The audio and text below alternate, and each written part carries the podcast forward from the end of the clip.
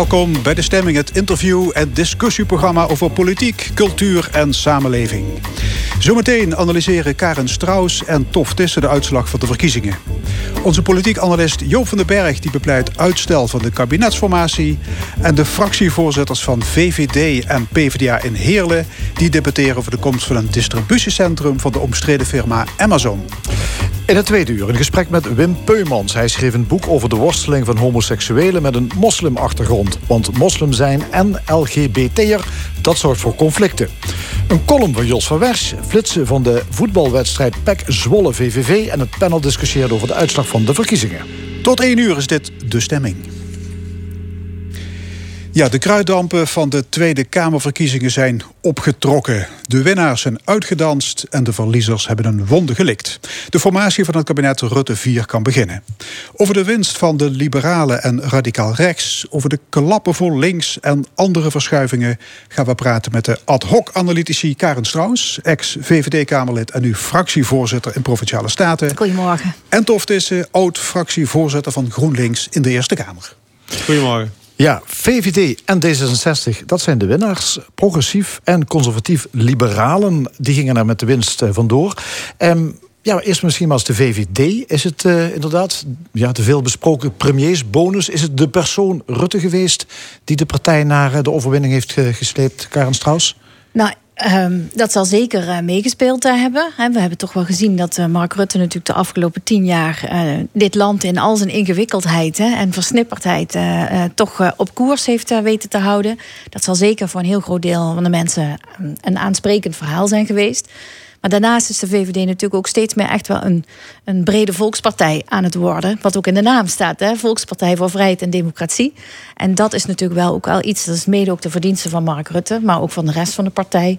Wat de laatste tien jaar steeds meer zichtbaar is geworden in de samenleving. Ja, dus, en ja dat vind ik wel heel mooi. Het is Rutte, maar het is ook uh, de inhoud. Uh, hoe kijk jij dan naar Toftissen? Met enige bewondering van de ene kant. Hè? Want ik ken Mark Rutte vanaf het, vanaf het moment dat hij staatssecretaris werd... in dat eerste kabinet Balkenende. En ik voorzitter was van Divosa. En we ja. trokken toen veel samen op voor een nieuwe bijstandswet te maken. Want dat was de opdracht die hij toen kreeg. En hij is iemand die verbinding weet te maken met, met iedereen. Dat is op zichzelf genomen is dat, is dat een kwaliteit. Hij heeft geen vaste patronen in zijn hoofd. Oh, met, eh, met linkse mensen praat ik niet, want dat past niet in mijn wereldbeeld. Nee, hij wil gewoon een klus klaren. Ik heb hem wel eens vergeleken met een, een, een politieke wegenwachter. Ja. Dat, er is een maatschappelijk probleem en ik kom langs en ik sleutel eraan met wie dan ook. En we, we, zorgen dat het voertuig van de samenleving weer vooruit kan. En, en dat snappen de kiezers ook? Dat voelen de kiezers, denk jij? Ja, dat denk ik wel. Kijk, inhoudelijk is er best. Kijk, als ik mijn GroenLinks-bril opzet, dan is er, is er inhoudelijk wel het een en ander af te dingen op datgene wat hij de afgelopen tien jaar uh, gedaan heeft. Maar het proberen om dit land in al zijn complexiteit, wat Karen ook terecht zegt, overeind te houden en toch stapjes voorwaarts te zetten in de financiële economische crisis 2009, 2010, hè, waar hij met name toch, toch uh, in de kabinetten daarop volgend echt de gevolgen van heeft moeten pakken. En nu in die coronacrisis, ja, dat kan hij wel verschrikkelijk goed. Met een enorm draagvlak van gezag. Ik weet niet wie dat was, volgens mij Jan Terlouw. Dit waren de verkiezingen die gingen over, over het vertrouwen in het gezag. En daar heeft Rutte zeker wel zijn voordeel bij gehad. Want zou je ingezoomd hebben op de inhoud... Dat het puur, want hij heeft zich ook bijna niet over de inhoud uitgesproken... zou je daarop ingezoomd hebben, dan had je denk ik een andere uitslag gehad. Ja. D66 voerde campagne waar, uh, waarin uh, Sigrid Kaag... als eigenlijk alternatieve leider van het land uh, werd neergezet. dus het is wel opvallend dat Rutte slaagt omdat hij blijkbaar overtuigende leiderskwaliteiten kan neerzetten. En dat daarnaast ook een partij die iemand als het alternatief aanbrengt, ook stemmen vergaart. Dus het gaat wel om de persoon blijkbaar. Karen ja, ja, zeker. Politiek gaat sowieso om de persoon. Uh, en dat zien we ook bijvoorbeeld bij eh, gemeenteraadsverkiezingen. Hè, waar, waar vaak toch ook uitslagen anders zijn dan bij landelijke verkiezingen. En dat heeft ook gewoon te maken met de aantrekkelijkheid of de aansprekendheid van de personen die op de lijst uh, staan. Dus politiek kun je eigenlijk niet loszien van de mensen die ja, de, de woordvoerders zijn van de boodschap. En in dit geval denk ik dat uh, Mark Rutte is inderdaad degene die al tien jaar lang heeft laten zien dat hij leider van Nederland kan zijn.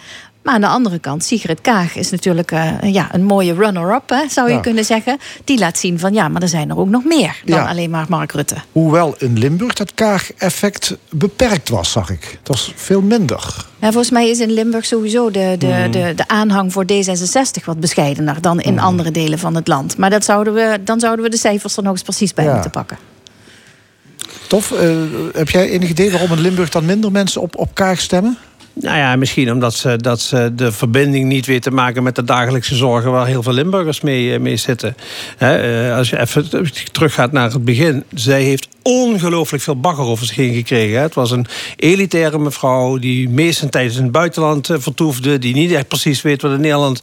Plus op social media echt, echt verschrikkelijk veel vrouwonvriendelijke uh, dingen. En daar heeft ze zich boven, bovenuit gestegen. Dat heeft zeker ook in onze achterban van GroenLinks heeft dat enorm veel indruk gemaakt. Maar toen ik hoorde dat Kaag lijsttrekker zou worden van, Groen, van GroenLinks, van D66 toen hield ik mijn hart al vast. En denk ik van, dit is, eigenlijk is dit een prototype waar GroenLinksers van houden. Namelijk internationaal georiënteerd, uh, heel, heel beschaafd, inhoudelijk gewoon hartstikke sterk.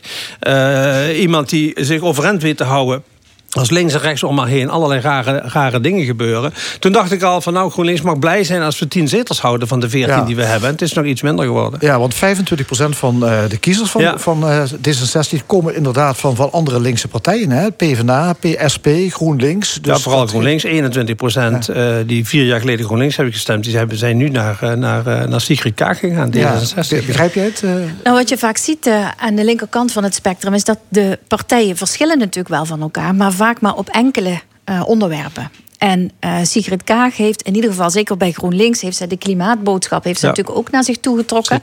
De internationale boodschap heeft ze naar zich toegetrokken. En daarmee werd ze ineens, en volgens mij heeft D66 een aantal jaren geleden dat zelfs nog een slogan gebruikt: het redelijke alternatief. En doordat zij dan ook nog die leiderschapskwaliteiten laat zien. En inderdaad laat zien dat ze zich niet gek laat maken door iedereen. Want dat zijn we soms. Ja, bedoel, dat ben ik zelf ook af en toe wel zat hoor. Dat dat gekissenbis uh, tussen vaak heren. Uh, ja. nou, dus in die zin vond ik het ook wel een verademing dat zij gewoon heel kalm en rustig en op de inhoud uh, bleef. Um, dus ja, ik denk dat ze echt dat redelijke alternatief, dat was toen hun slogan, maar dat hebben ze nu waargemaakt. Oké, okay, ander punt, de verdere verschrompeling van links. De PvdA blijft staan op 9 zetels, de SP zakt van 14 naar 9, GroenLinks van 14 naar 8. Samen een schamele 26 zetels. Stof tussen, waarom is links uit de gratie? Nou, links op zichzelf genomen is niet uit de gratie. Want we hebben er Volt bij gekregen. We hebben er Bijeen bij gekregen. We hebben Denk nog steeds. Hè. Die komen oorspronkelijk van de Partij van de Arbeid. Maar als je kijkt naar hun programma, is dat gewoon een links, een links programma. En ik ben, ik ben eens gaan duiken in de, in de verkiezingen van na de Tweede Wereldoorlog. En het is eigenlijk altijd altijd heeft rechts, conservatief, heeft een meerderheid gehad bij verkiezingsuitslagen. Als je kijkt naar het hoogtepunt van uh, Joop de Uyl 1977, hij gaat van 43 zetels naar 53 zetels, maar hij werd geconfronteerd met een rechtse meerderheid. En toen ze dus niet eruit kwamen in de formatie, lees het fantastische dagboek van Ed van Tijn daar, uh, daarover. Ja, toen geloof ik bij een, een, een, een dinertje in een bistro waren Hans Wiegel en Dries van Acht waren er zo uit. En als je dus kijkt vanaf 1945, dan zie je dat bij elke Tweede Kamerverkiezing dat links, progressiv, progressiv en links denk dat het ook wel een hele uitzending zou duren om daar nog eens een keer duiding aan te geven. Wat is dan progressief en links? Maar goed, dat dat eigenlijk nooit de meerderheid heeft gehad. Het is altijd ruim 80 zetels versus ruim 60 zetels geweest. En in zijn optelling telt dat dan tot 150. Maar je ziet nu dat de ongelijkheid toeneemt. Er wordt geklaagd over lage lonen en hoge huren.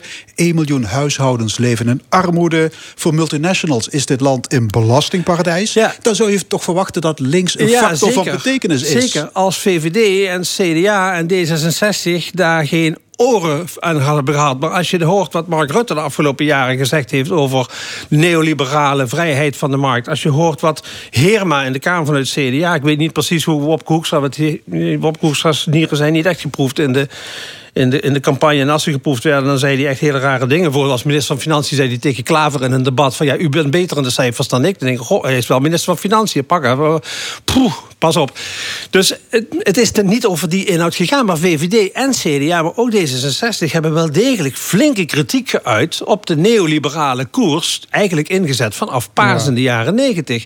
En links heeft dat thema te weinig omarmd en te weinig een andere invulling uh, gegeven. Karen Strauss, je bent van de, ja, laat ik zeggen, de neoliberale school. Nee, ik ben niet toch, van de neoliberale toch, school. Nee, toch een verklaring waarom links zo achteruit kachelt?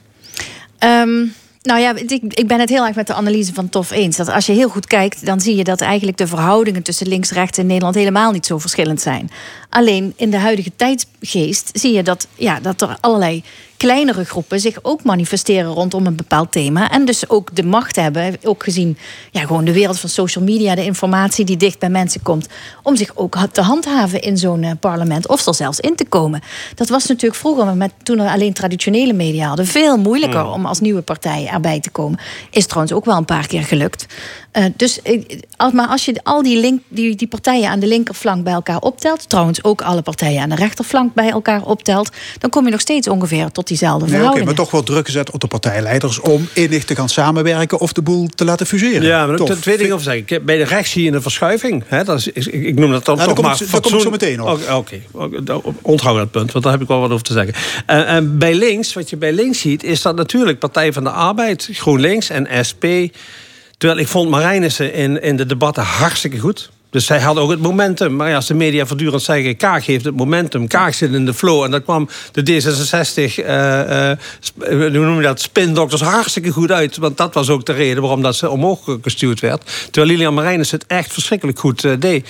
En je, je moet het maar doen als Ploemen hè, een paar weken voor de verkiezingen ineens Ascher uh, vervangen. En desondanks vond ik ook dat zij uh, stevig overeind bleef. En Jesse, had, Jesse Klaver had natuurlijk ontzettend veel last dat hij niet die grote meetups meer uh, kon nee, okay, doen. Dat, dus dat begrijpelijk. maar samenwerking, fusie. Wat vind je daarvan? Ja, ik vind eerst dat er eens goed geanalyseerd moet worden... wat is er nou precies aan de hand? Uh, want links in totaliteit, links progressief in totaliteit... D66 meegerekend, is niet veel kleiner geworden... dan zeg maar 1977 of 94 of 98. Ik bedoel, maar er is een verschuiving binnen links progressief. En ik zie dan wel degelijk wat in meer samenwerking. Sterker nog, vier jaar geleden, toevallig twee dagen na de Tweede Kamerverkiezingen... stond ik op een congres van UNESCO over laaggeletterdheid. En daar trof ik eh, de ambassadeur van UNESCO in Nederland daarvoor. Dat was André van Es, toevallig ook partijgenoot van me. En toen hebben we eigenlijk samen het initiatief genomen van... kijk, de Partij van de Arbeid heeft verschrikkelijk hard verloren. 29 zetels verloren, 9 nog maar over, hè, toen in 2017. En GroenLinks heeft gewonnen. En de SP heeft verloren. Waar zijn die 29 zetels van de Partij van de Arbeid gebleven? En toen hebben we het initiatief genomen van als we nou die 14 en die 9 in een gezamenlijke fractie zouden zetten. Dan heb je een fractie van 23. Waren we toen de tweede fractie geweest in de Tweede Kamer. Krijg je andere verhoudingen. Nou, voordat het initiatief werd uitgesproken door André en mij... met Bram van Ooyek en Jesse Klaar van Lodewijk, et cetera... stierf het alles gewoon de dood. Dat was gewoon niet te denken. Dat vind ik strategisch zijn we daarin niet slim. En ik hoop dat we daar de komende tijd slimmer in zijn. Maar het gaat nooit om samenwerking als zodanig. Het gaat om samenwerking omdat je gezamenlijke idealen kunt formuleren en zeggen van daar op basis daarvan gaan wij mogelijkerwijs intensiever samenwerken en misschien ooit iets eh, beginnen samen in de toekomst. Dan, dan eh, wil ik even naar radicaal rechts. Ehm, de PVV min 3, Forum voor Democratie gaat van 2 naar 8. Eigenlijk de grootste klapper woensdag. Nieuwkomer Ja 21 krijgt er 3, samen 28. Dat is 19% van de stemmen. In Limburg zelfs 26%. Karen Strauss, hoe kijk je daarnaar? Nou ja, ook hier, hè, uh, net zoals dat het linkerblok al heel erg lang ongeveer hetzelfde is, is dat aan de rechtervleugel ook. Uh, maar wat je ziet is dat er veel meer alternatieven zijn aan de rechtervleugel dan vroeger. Er was dus natuurlijk ooit niks rechts van de VVD. Er was niks. En uh, toen kwam uh, Pim Fortuyn. Nou, die hadden uh, 24, 25, 26, volgens nou, ja, in ieder geval. Dat was eigenlijk de eerste keer dat, dat die stem, als het ware, op die manier gemanifesteerd daar werd. En eigenlijk zie je dat die kiezers nog steeds of bij Wilders uh, terechtgekomen zijn en daar blijven. Of nu ook zelfs ja, kiezen nee, maar als je voor Forum en, en, PVV en ja bij elkaar optelt, zit er wel degelijk groei in. Ja, zeker. En dat is, dat is ook mijn grote zorg. binnen rechts zie je dat het rechtse blok wel ongeveer gelijk is, is gebleven in de afgelopen decennia bij de verkiezingen. Maar er is een radicalisering op de rechtervleugel eh, waarneembaar. Op een thema die blijkbaar aanspreekt bij heel veel groepen van de bevolking. Ja, en ik denk dat ik dat thema snap. Uh, dat zijn mensen die op een of andere manier zich verloren voelen. die, waar niet naar, naar omgekeken wordt. Maar dat werd twaalf jaar geleden ook al geroepen. Jawel, maar er is nooit wat mee gedaan. Kijk, ik weet dat de Wetenschappelijke Raad voor het Regeringsbeleid... heeft een aantal jaren geleden een boekje uitgebracht... een rapport uitgebracht, een advies. Weten is nog geen doen. En toen hadden we het allemaal over de mensen... die misschien uh, wat, wat, wat slechter zelfredzaam zouden zijn... wat slechter hun eigen verantwoordelijkheid kunnen waarmaken. Maar weten is nog geen doen. Dat geldt ook voor ons als politici... of mensen die maatschappelijk actief zijn. We weten best waar het aan ligt.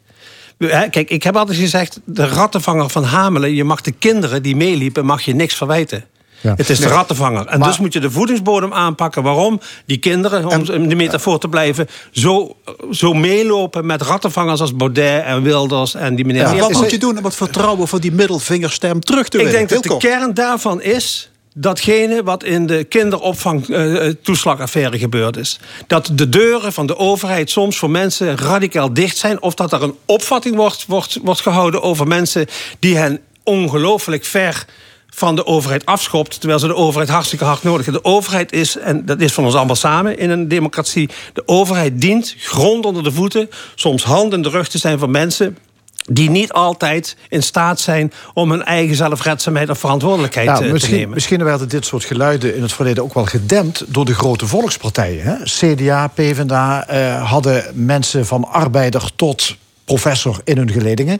Ja, je zei het al, Karen Strauss, de VVD lijkt wel de enige volkspartij die nog over is. Hoe zou het kunnen dat er ja, blijkbaar geen ruimte meer is voor een traditionele volkspartij als CDA en PvdA? Nou ja, goed. Ja, voor het CDA, dat, ik heb daar wel over nagedacht. En ik heb natuurlijk ook gezien dat zij het niet zo goed gedaan hebben uh, bij de verkiezingen. Maar ik zie de, eigenlijk uh, de verschillende dingen. En je, de, de meeste Nederlandse analyses gaan over nou ja, al dat gedoe met de rondom de leiderschap. Uh, toch ook een paar missers die Bob Koopstra heeft gemaakt. Die pas ter elfde uren ook ter tafel komt. Nou, onduidelijkheid in de campagne. Maar wat ik recent gezien heb, is dat ook in Duitsland de CDU verloren heeft. Dus blijkbaar is ook gewoon die christendemocratische boodschap van echt in dat midden, als het ware staand, is ook in de huidige tijdsbeeld misschien wel gewoon onvoldoende aansprekend. De andere partijen hebben allemaal een wat scherper verhaal. En die scherpte is natuurlijk wel ook hetgene wat mensen aanspreekt. Ook de mensen bijvoorbeeld op de rechterflank. Ja, en dat, die scherpte die krijg je natuurlijk nu nog meer... door die uh, kleine partijtjes die zich voor uh, echt kleine belangen inzetten. Althans voor bepaalde groepen. Je ziet het al tegenover elkaar staan. Hè? Dat is BBB die groep, versus inderdaad. Partij voor de Dieren. Dus ja, zij, zij pakken heel duidelijk duidelijk een doelgroep, duidelijk een achterban. En die boodschap voor die betreffende achterban, die formuleren zij heel scherp. En ik ben het deels met Tof eens over uh, nou ja, de mensen die zich niet gekend voelen in de overheid. Maar wij weten ook allemaal dat uh, als je vandaag iets wil, uh, iets wil veranderen, dan kom je in een heel ingewikkeld spel hmm, terecht van allerlei Zeker. tegenkrachten. Ja. En om uiteindelijk het verschil te maken bij de mensen thuis, heb je vaak lange adem nodig en uh, veel doorzettingsvermogen. En de mensen die het geraakt heeft, of de mensen die juist iets verwachten van de overheid, die willen dat graag ook veel sneller ja. voelen. Ik heb dat zelf gezien bij de gele hesjes. Hè, waar ik was in, in Roermond toen bij Mark Rutte toen de gele hesjesprotesten daar was. Inmiddels al twee jaar geleden. We zijn al bijna vergeten dat ze er waren, hè, die, die, gele hesjes. Nou, geregeld, de, daar werd toen, Mark was daar meteen van... ik ga met jullie in gesprek, daar is ook een afspraak over geweest. Maar de mensen verwachten dan vaak dat dan de dag daarna ook daadwerkelijk iets is ja. veranderd. Heeft dat en met dat die individualisering van onze maatschappij te maken? Dat we dus nee, inderdaad... het heeft ook met framing te maken. Kijk, als, als Mark Rutte, als die in debatten geconfronteerd zou zijn met mensen die zeggen: wat is er met de jeugdzorg gebeurd sinds de decentralisatie? Wat is er met de GGZ-zorg in Nederland gebeurd sinds de decentralisatie? Wat is er gebeurd met de sociale werkvoorzieningschappen? En dus de mensen die een arbeidsvermogen hebben... die nooit leidt tot 100% productiviteit of prestatie... maar die wel naar vermogen willen meedoen. Die groep mensen is erop achteruit gegaan. Dat heeft, de PvdA tot in zijn hart en in zijn ziel... tot in zijn knoken geraakt. Die zijn daarop afgerekend in 2017. En dat, dat echoot nog altijd na, ook bij de verkiezingen van 2021. De VVD komt daarmee weg. En iedereen zegt dan Teflon Mark of Tefal Mark... of wat, voor de... Maar Mark had het blijkbaar, en zijn campagnemedewerkers hebben dat kunnen afwijzen bij de publieke omroep. Die heeft belang bij het debat met Wilders. En Wilders vindt dat ook hartstikke chic. Maar hadden maar eens een keer laten debatteren met, met ik noem maar wat, Lilian Ploemen... als het ging over de sociale werkvoorziening. En dat is voor Lilian natuurlijk hartstikke moeilijk... want zij zat in dat kabinet Rutte 2... waarin de sociale werkvoorziening eigenlijk op slot gegaan is. En waarin we dachten vanuit een soort wensdenken... iedereen met een, met een chronische ziekte of met een arbeidsbeperking... kan in het reguliere bedrijfsleven uh, terecht. En dan moet ik het bedrijfsleven compliment maken. Dat doet het bedrijfsleven eigenlijk best heel goed. Maar honderdduizenden mensen staan aan de kant. En die mensen voelen de gevolgen van dat overheidsbeleid. En die zijn gevoelig voor de rattenvangers van deze tijd. En die stemmen dus op Wilders. Want, Wilders weet als geen ander groepen tegen elkaar uit te spelen. Andere vraag. Legt de uitslag ook een soort tweedeling bloot tussen cosmopolieten en nationalisten? D66 en Volt versus VVD en Forum? Ja, maar VVD is geen ik, nationalistische dat, partij. Dat hoop ik eigenlijk ook niet. dat wil ik nog wel even nee, iets tegenover nee, sorry, stellen. Sorry, VVD, ik bedoel PVV. Oh, sorry, nee, ik, zeggen, ik ken Mark wel als iemand die echt een volbloed Europeaan is. In ieder geval buiten Nederland. in Nederland is hij vaak wat kritisch. Nee, dat geldt voor alle VVD'ers. En bij het CDA, die zijn ook uh, Europa-minded. Alleen, ja, in Europa is er, in Nederland is er wel een beetje een anti-Europa-sentiment. Maar wat ik het rare vind, de media hebben de afgelopen weken gezegd van kijk, Volt komt op, is pro-Europees, D66 is pro-Europees denk ja, maar wacht eens even. Ik geloof dat wij in GroenLinks vaak hele lastige discussies hebben gehad over hoe pro-Europees we zijn. Maar wij zijn ongelooflijk pro-Europees. Dus het is, het is, kijk, politieke partijen en vooral ook media gaan erin mee. Het is de kracht van de framing. En uh, daar moeten we ook eens een keer onderuit zien te komen. Van marketing en framing. Uh, het is nog net geen nepnieuws, maar het gaat soms wel richting die, uh, die kant uit. Oké, okay, straks meer analyse met onze analist Joop van den Berg. Hij denkt trouwens dat Rutte 4 geen lang leven beschoren zal zijn, Karen Strauss. Wat denk jij? Ja, dat, er, komt natuurlijk wel van alles uh, op dit kabinet af. Hè. We zitten nog midden in een coronacrisis. Er zijn twee parlementaire enquêtes uh, aangekondigd. Uh, het samenstellen van, het, van de coalitie zal zeker niet gemakkelijk zijn. Dus uh, er wordt een, een zeer groot beroep op de evenwichtskunstenarij van uh, Mark Rutte gedaan. Daar is hij gelukkig wel heel bedreven Daar is wel in. Goed in ja. Dus ja, ja het, ja. Zal, het zal uh, daar zeker van afhangen hoe zeer hij dat nog verder kan brengen. Oké, okay, hartelijk dank. Karen Strauss en Tof Tissen. Graag gedaan. Internetgigant Amazon komt naar het bedrijventerrein Avantis bij Heerlen. De PvdA maakt zich zorgen over de betaling van de medewerkers. Zometeen een discussie. Maar eerst Joe Jackson. Is she really going out with him?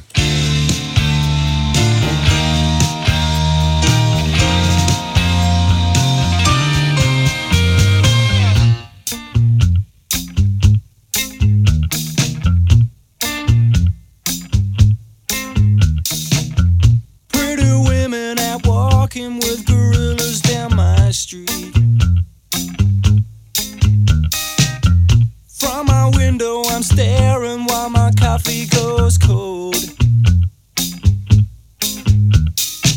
Look over there, Where? there, there's a lady that I used to know.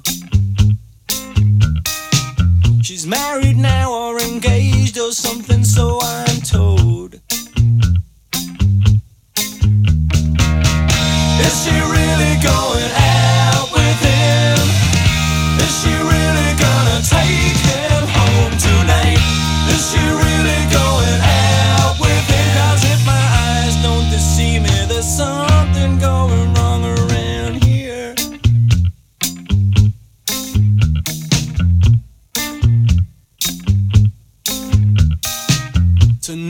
night when I go to all the parties down my street. I wash my hair and I kid myself, I look real smooth. Look over there, wow. there, here comes Jeannie with her new boyfriend. They say the looks don't count for much, so there goes your proof.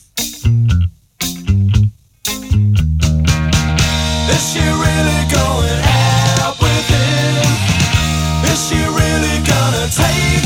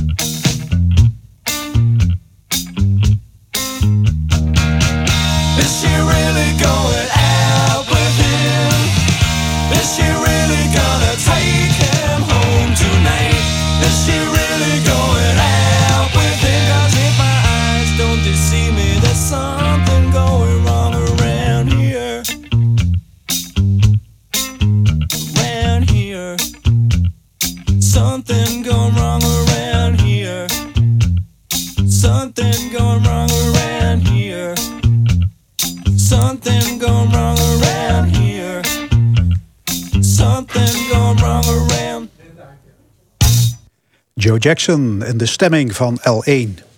Grote distributiecentra schieten als paddenstoelen uit de grond. In Limburg verrijst de ene megaloods naar de andere. De afgelopen weken heeft de verdozing toegeslagen in Holtum, Venlo en ook in Heerlen. Op het grensoverschrijdende industrieterrein Avantis komt een vestiging van de Amerikaanse internetgigant Amazon. Een omstreden firma die zich weinig bekommert om de rechten van werknemers.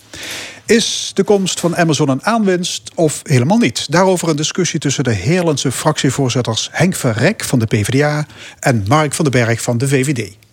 Goedemorgen, Mark van den Berg. Hoe groot wordt die Amazon-vestiging? Uh, ja, goedemorgen. Uh, de vestiging uh, van Amazon dat gaat op een terrein van ongeveer 60.000 vierkante meter. En het gebouw is ongeveer zo'n kleine 9000 vierkante meter groot. Ja, 9000 vierkante meter. Help mij even, hoeveel voetbalvelden zijn dat? dat weet ik zo 1, 2, 3 ja. niet. het is natuurlijk best groot, laat ik dat zo zeggen. Ja. maar dat is nou ook weer niet groot. Als ja, wat, bedenkt... wat, gaat er, wat gaat er gebeuren in die hal?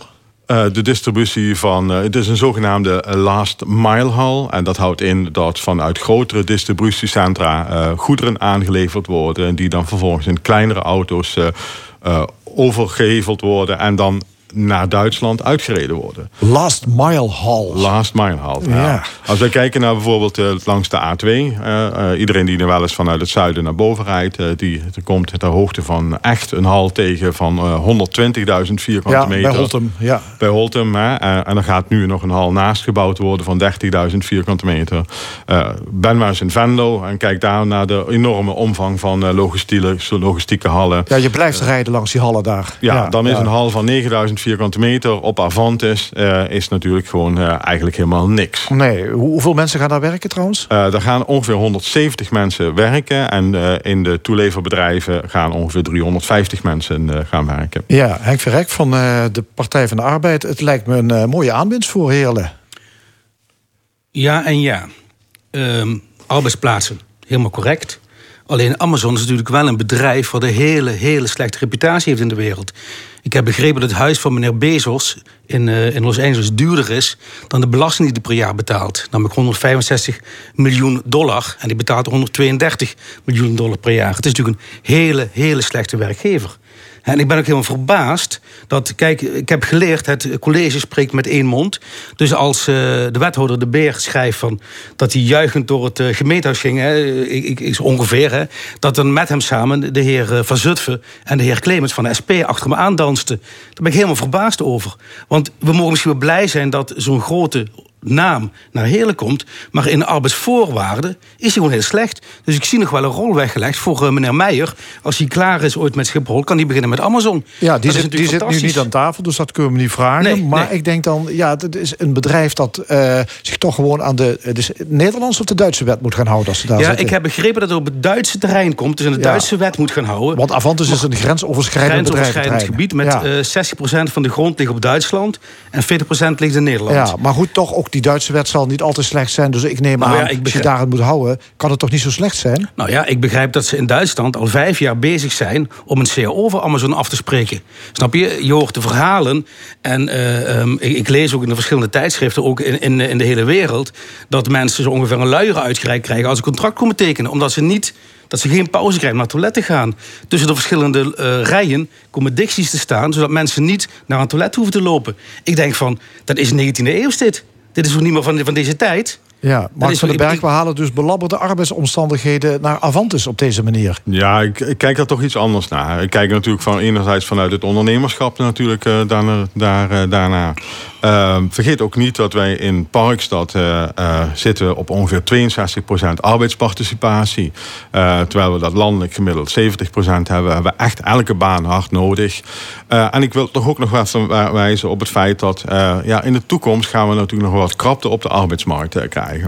En het is juist dat ook werkgevers daar nu slim op moeten inspelen... om juist ook de, uh, uh, de omstandigheden en, de, en, de, en salaris en alles wat erbij komt krijgen...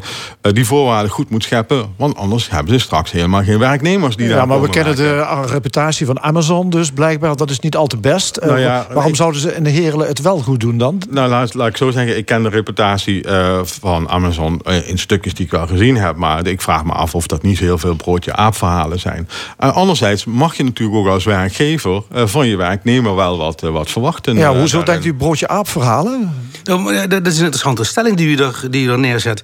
Namelijk van mag je dan als werkgever eh, van je mensen, van je medewerkers eisen dat ze tussendoor niet naar het toilet mogen? Want dat is eigenlijk wat hij zegt, hè? want dat is wat ze namelijk doen. Hè? Je weet, Amazon heeft pakweg 900.000 werknemers op deze wereld. Hè? Dat zijn er niet een paar, dat zijn er gewoon heel veel. Hè?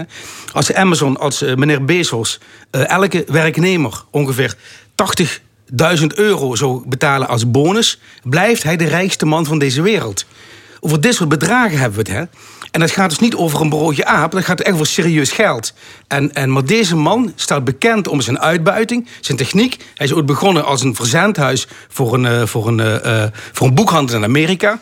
Maar de effecten ook op de lokale economie. Hè? Want waarom zou ik in godsnaam nog een wasmachine bij de mediamarkt of bij een witgoedhandelaar in de omgeving kopen als ik hem Amazon kan bestellen, die me zelfs naar de eerste, eerste etage naar boven dragen? Snap je, de effecten op de lokale markt bij Amazon is natuurlijk enorm. Ja. En, en, en dus, dus dan kan je fijn zo'n Amerikaans bedrijf neerzetten. Dat is natuurlijk fantastisch. Maar vervolgens zie je wel dat de lokale markt kapot gaat. Mark van den Berg? Ja, maar het is, toch, het is echt absoluut een, uh, naïef om te denken dat uh, dit soort uh, partijen we uit de regio moeten weren.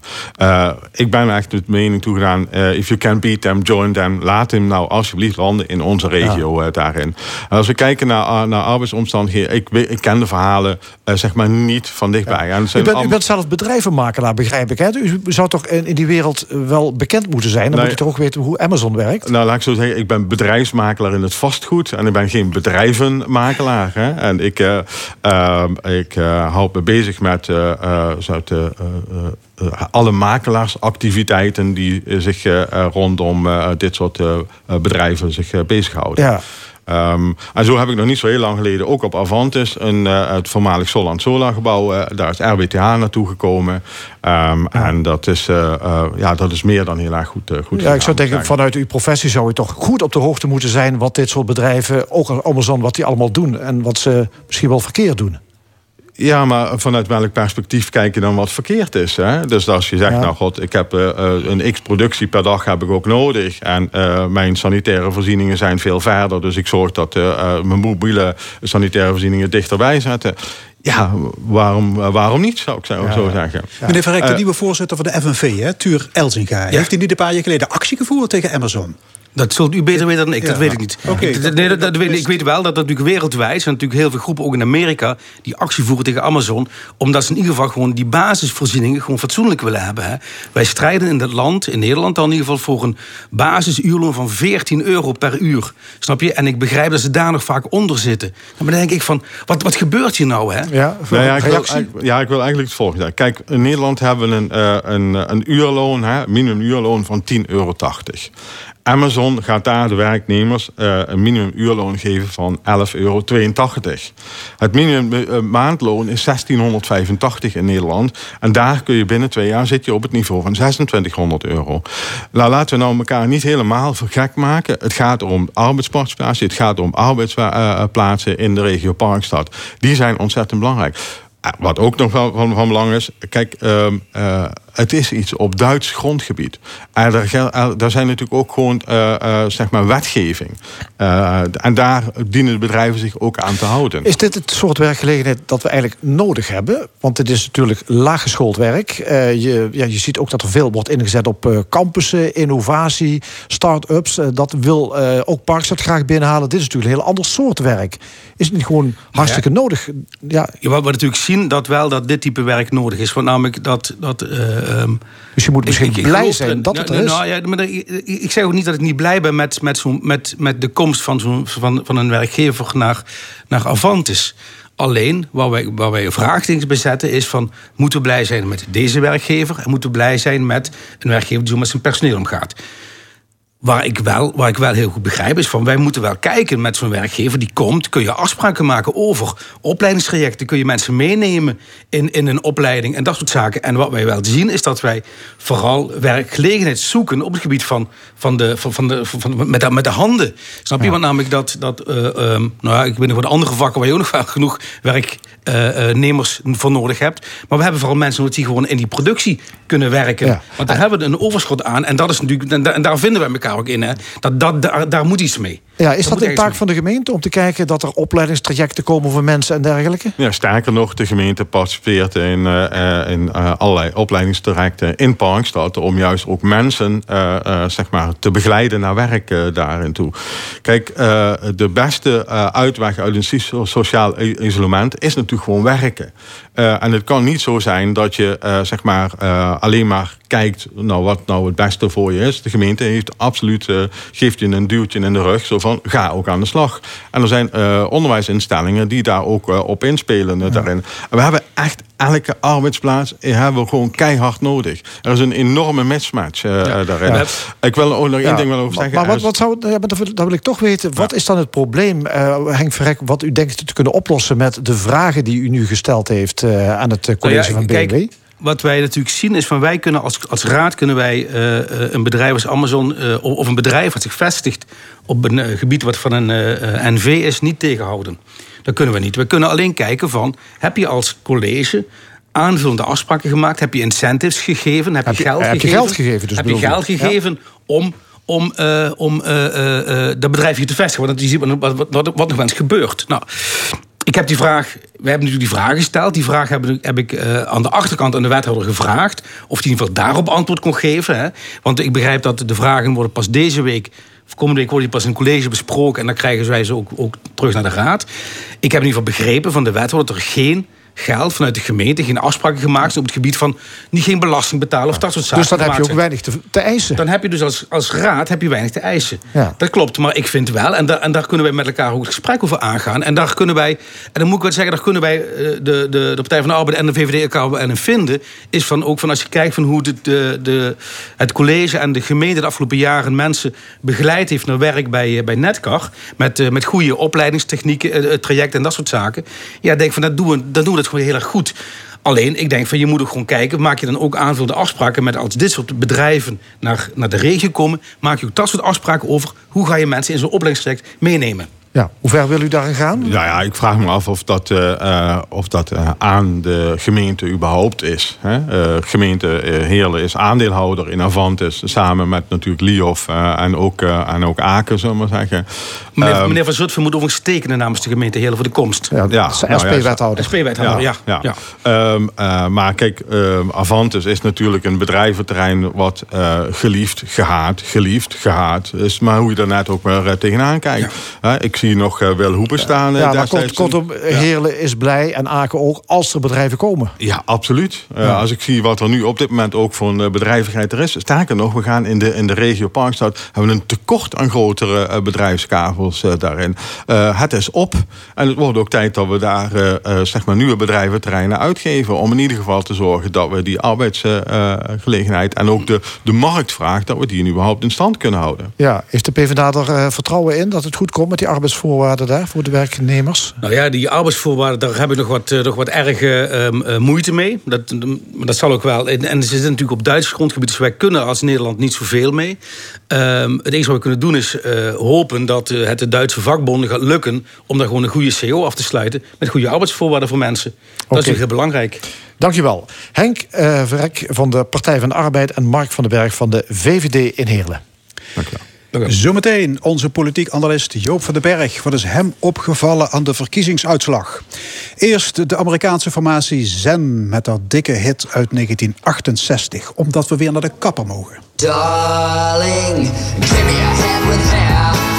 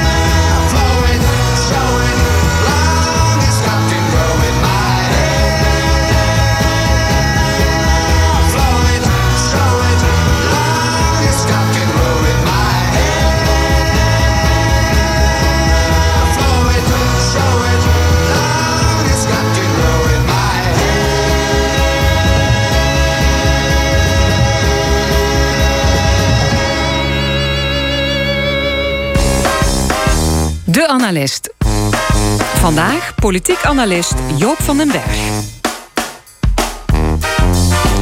Joop, welkom. Ja, goedemorgen. Uh, de kabinetsformatie is daags na de verkiezingen al begonnen. Er zijn twee verkenners aangesteld, Jortsma en Ollongren. Jij pleit, heel opmerkelijk, voor uitstel van de formatie. Waarom? Ja, die verkenning zou je natuurlijk toch wel uh, moeten houden en ook kunnen houden. Uh, omdat de Tweede Kamer is degene die beslist over wat er moet gebeuren. maar die verkenners zouden ook tot de conclusie kunnen komen, als je het mij vraagt, van stel de echte formatie een, een zekere tijd uit. Waarom? Omdat ik denk dat de komende weken uh, het zittende kabinet nog alle tijd en energie zal moeten besteden aan de bestrijding van de uh, coronacrisis. En dat niet alleen in, uh, in, termen van gezondheid, want er komt weer een derde golf aan, dat is nu wel duidelijk. Met mogelijk weer vrij straffe maatregelen. En tegelijkertijd uh, moet de economie eh, naar vermogen op peil gehouden worden. Dat eist voortdurende uh, crisisachtige aandacht van de betrokken ministers. Het is ook niet voor niks dat toen het kabinet de missionair werd in januari... het ook expliciet door de Kamer missionair verklaard werd... voor zover het over de coronacrisis ging. En het gevaar is dat je tegelijkertijd je met die coronacrisis moet bezighouden. Eh, wat ook, ook veel aandacht en energie vergt. En uh, moet beginnen aan onderhandelingen over een uh, kabinetsvorming. En we hebben uh, in 1977 ja, gezien... Maar jij denkt dus, Joop, dat dat niet allebei kan? Je ik kunt niet en aan crisisbestrijding doen... en tegelijkertijd nee. praten ja, over een nieuw kabinet. Alles kan, maar het denkt dat het dan niet goed gaat. en dat je bij wijze van spreken in beide gevallen... Over, ja, met halve aandacht werkt. En halve aandacht betekent meestal dubbele tijd. want in 77 zag je dat ook, omdat toen liep de gijzelingsactie nog door van uh, boven Smilde en de Punt. Waarbij ja, die kapingsactie van de Molukkers. Precies, hè, waarbij uh, de ministers echt al hun aandacht daarvoor nodig hadden. Tegelijkertijd begon uh, Joop den Uyl als formateur aan de kabinetsformatie. Nou, daar kwam echt om te beginnen niet veel van terecht. En het meeste wat het opleverde was voortdurende irritatie aan beide kanten. En nou moet je zeggen dat de verhouding den Uyl van Acht een hele bijzondere was. Dat weet ik ook wel. Maar uh, tegelijkertijd denk ik, uh, je zou echt moeten, de moed moeten hebben om te zeggen... Uh, weet je wat, we, we zullen nog drie, vier weken nodig hebben... voor de echte belangrijke uh, maatregelen als het gaat om de coronacrisis. En daarna beginnen we met de formatie. Want dat wordt hoe dan ook een ongehoord ingewikkeld ja. uh, geval. Maar goed, je zei al, we zitten nu in het begin van de derde golf. Straks ja. krijgen we misschien de vierde golf. Ja, ja, nou ja, je kunt misschien wachten golf... tot Sint-Jutemus met die ja, ja, ja, ja, ja nee, dat, dat, gevaar zit er natuurlijk ook nog wel in. Maar waarom zeg ik dat? Omdat die derde golf komt er wel aan. Maar tegelijkertijd begint het vaccinatieprogramma nu ook uitwerking te krijgen. En je mag aannemen dat je, laat ik zeggen, in april nog met een heel ernstige uh, stijging te maken krijgt van ziekenhuisopname en IC's. Maar dat daarna zozeer uh, de vaccinatie gaat werken vooropgesteld dat die vaccins ook allemaal komen. Overigens ook een probleem apart. Uh, dat je daarna kan zeggen: oké, okay, nou uh, uh, hebben we het een beetje onder controle. Kunnen winkels weer open, kunnen mensen weer aan het werk enzovoort. En dan kan je je volle tijd besteden aan de formatie. Aan de formatie, maar, ja. En, en, welke coalitie, Joop, ligt het meest voor de hand? Nou ja, je hebt op dit moment eigenlijk alleen een kern van VVD en D66, uh, die ook in staat zijn met elkaar samen te werken. En dan is het de vraag van welke uh, komt erbij. Wat mij ook weer uh, nogal bezorgd maakt, is dat er krampachtig gezocht wordt naar een manier om een meerderheidskabinet te vormen. En waar dan? Jan uh, Anthony Bruin van de Eerste Kamer zegt liefst ook in de Eerste Kamer. Ja, dan krijg je een kabinet van vijf of zes partijen. en het idee zou zijn uh, dat in, in allerlei beschaafde landen gebeurt dat. Je maakt een minderheidscoalitie die die 75 zetels niet haalt of net haalt, maar die voldoende interne cohesie heeft en dan inderdaad een aantal jaren mee kan. En die telkens opnieuw zoekt naar meerderheden in de Tweede en in de Eerste Kamer. Uh, zo gebeurt het in Zweden. Uh, en je kan niet zeggen dat dat land uh, bezopen bestuurd wordt. Nee, okay. en, en, en heel simpel, voortzetting van de huidige coalitie? Dat, dat zou, is theoretisch mogelijk, maar dan verliezen we misschien uit het oog dat het met die coalitie eigenlijk helemaal niet goed ging aan het eind van 2019. En dat ze gered is door de corona omdat iedereen op dat moment zei: ja, kabinetscrisis, oh, dat kan dus niet. Uh, we hebben wel wat anders aan ons hoofd. en daardoor heeft, die, heeft dat kabinet zijn samenhang weten te behouden. Maar ik geef je op een briefje dat als die coronacrisis er niet geweest was, dan had uh, uh, die vorige coalitie wel langzamerhand aan het eind van zijn Latijn geweest. Hoor. En dan heb je nog een, een variant: VVD, D66, PvdA en GroenLinks. Ja. Zonder het CDA. Ja, het is ook, dat haalt ook amper uh, meerderheid. Het heeft, uh, het heeft waarschijnlijk wel iets meer innerlijke uh, samenhang als ze het goed organiseren. Ja, de VVD met drie progressieve partijen. Ja, dat zal de VVD ja. buitengewoon onprettig vinden. Dat denk ik ook wel. Maar het zou wel eens kunnen dat er straks blijkt niet veel anders te kunnen. En er zit een gevaar aan. Ehm, dat wordt een coalitie met het karakter van het, regime, van het regime, van het presidentschap van Macron in Frankrijk van moderne partijen met uh, cosmopolitische opvattingen uh, en met een beetje technocratische manier van besturen. En het grote probleem, of een van de groot probleem, is natuurlijk wat zich op rechts uh, is gaan vormen. En ja, een, een, een blok in de Nederlandse politiek dat van juist dit soort eh, technocratische bestuur niets moet hebben en zich daardoor telkens uh, achteruit gezet voelt. Dus ook dat wordt een heel complexe situatie. En wat eh, meerdere mensen zeiden, ja, het moet een soort turboformatie worden. Nou, dat wordt het dus in ieder geval niet. En uh, ik ga niet voorspellen, want dan zit ik toch fout. Maar uh, het kon wel eens erg in het najaar zijn voordat we ja. dan ook een uh, kabinet toch, hebben. Toch wel opvallend dat wel gekeken wordt naar als dit kabinet er moet komen, dat GroenLinks en de Partij van de Arbeid dan zouden toetreden, omdat dat mm. toch misschien de meest logische optie is. Dat zijn partijen die natuurlijk behoorlijk verloren hebben. Ja. Uh, je zag in die verkiezingen dat uh, vooral uh, in, de, in, de, hele campagne dat de samenwerking die was ver te zoeken. Hoe kijk jij daarnaar? Is, ja. dat, is, een, is dat die partijen funest geworden? Ja, ik denk dat het ze niet geholpen heeft, om het maar heel vriendelijk uit te drukken. um, Kijk, GroenLinks en PvdA ging nog wel. Maar GroenLinks heeft op een gegeven moment wel uh, die toeslagen uh, ondervragingscommissie uh, gewild. In de wetenschap dat daar de Partij van de Arbeid wel eens grote schade van zou kunnen ondervinden. Ja, ja je kon hem daarom niet tegenhouden, daar gaat het niet om. Maar dat hebben ze geweten. En er zijn wel meer momenten geweest uh, dat, dat die partijen onderling elkaar voor de voeten zijn blijven lopen tot in de campagne toe. Um, en dat is me het meest opgevallen eigenlijk bij de, de SP, die echt bij elke confrontatiemogelijkheid die ze had, weer herinnerde aan de Partij van de Arbeid in het kabinet Rutte 2. En dat is iets, uh, het lijkt wel alsof uh, je uh, als je een misdrijf gepleegd hebt, zit je je gevangenisstraf uit. En daarna is het gewoonlijk afgelopen, maar niet bij de SP. die uh, heeft zich voorgenomen om de Partij van de Arbeid zo ongeveer levenslang toe te kennen. Ja, die linkse broederstrijd. En dat schiet dus niet dat, op. Uh, dat schiet niet op en dat heeft, ja, dat heeft uiteindelijk links als geheel. Ja, Um, niemand heeft er enig voordeel bij gehad. En misschien dat dat uh, de geesten kan helder maken. Om toch eens op een andere manier naar elkaar te kijken. En te kijken of je het niet met een behoorlijke vorm van samenwerking uh, zou kunnen doen.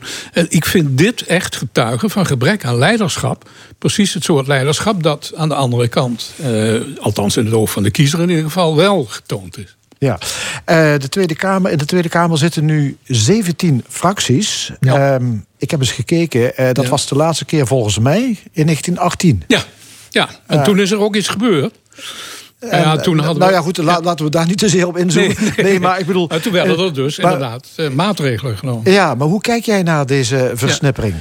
Nou is, dat, ik, is dat een sieraad voor onze democratie? Nee, dat denk ik uiteindelijk niet. Uh, zoveel te kiezen. En dan weet de kiezer helemaal niet meer welke kant het uit moet. En mijn, ik heb altijd bezwaar gehad tegen een kiesdrempel omdat ik dacht, ja, uh, mensen kunnen zelf zien wat ze wel en niet moeten doen. Maar ik ben nu langzamerhand toch aan het overhellen naar het idee... als je um, hoe heet het, acht partijen hebt die vijf zetels of minder hebben, maar de meeste hebben zeg één of drie of zo. Dan moet je je toch gaan afvragen of je niet echt iets van een drempel nodig hebt. Ja. Van een paar kiesdelers. Waardoor je uh, in ieder geval deze fragmentatie tegenhoudt. Uh, want zo ontstaan er fracties die allemaal te klein zijn om echt weerwerk te bieden aan regering, aan regeringsbeleid. En daar echt kritisch tegenover uh, te stellen. Dus het parlement breekt, als het ware, door die fragmentatie zijn eigen macht af. Maar is het, is het probleem dan die 17 fracties? Want uh, je zou kunnen zeggen, mm -hmm. nou ja, zwaar als er vijf fracties zijn met één zetel, ja, ja. dan is dat maar zo. Dat is dat, dan geeft dat aan hoe democratisch uh, dat het systeem werkt. Ja. En die andere 140 of 145 leden, die doen gewoon hun werk. Ja.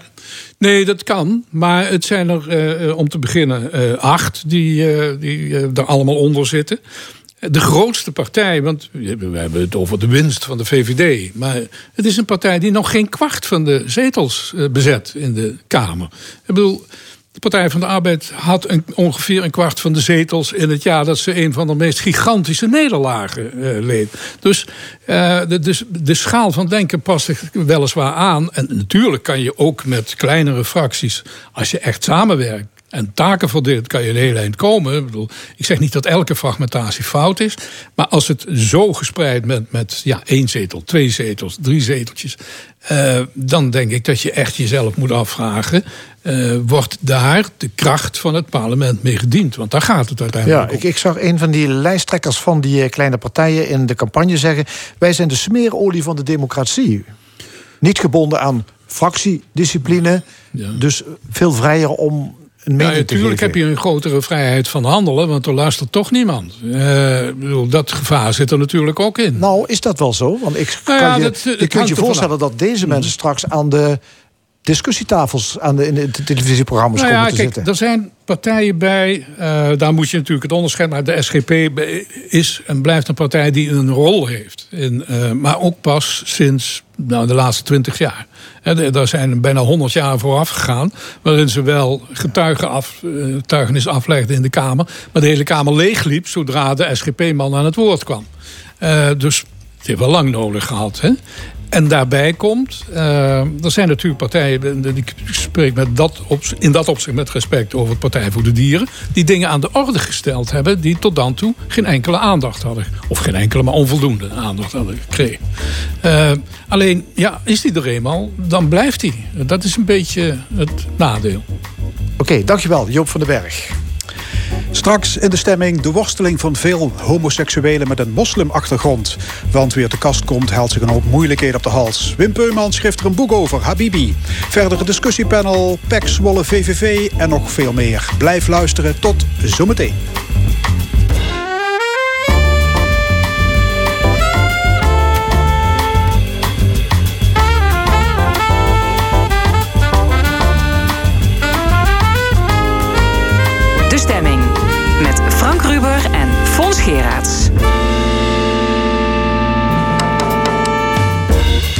Opnieuw welkom bij de stemming. Wat nog allemaal in de tweede en laatste uur. Wim Peuman schreef een boek over homoseksuele moslims. Over de moeilijkheden die dat oplevert in het dagelijks leven. Verder discussieert het panel met Monique Wind, Jan de Wit en Karen Leunissen over Limburg en de verkiezingen. Plus een column van Jos van Wersch. Maar eerst voetbal, want over zo'n 10 minuten wordt afgetrapt voor de eredivisiewedstrijd PEC Zwolle VVV Venlo. En voor L1 is daar aanwezig commentator Falco Kremers. Uh, goedemorgen Falco. Goedemorgen. Uh, zijn er nog bijzonderheden te vermelden voor de wedstrijd begint?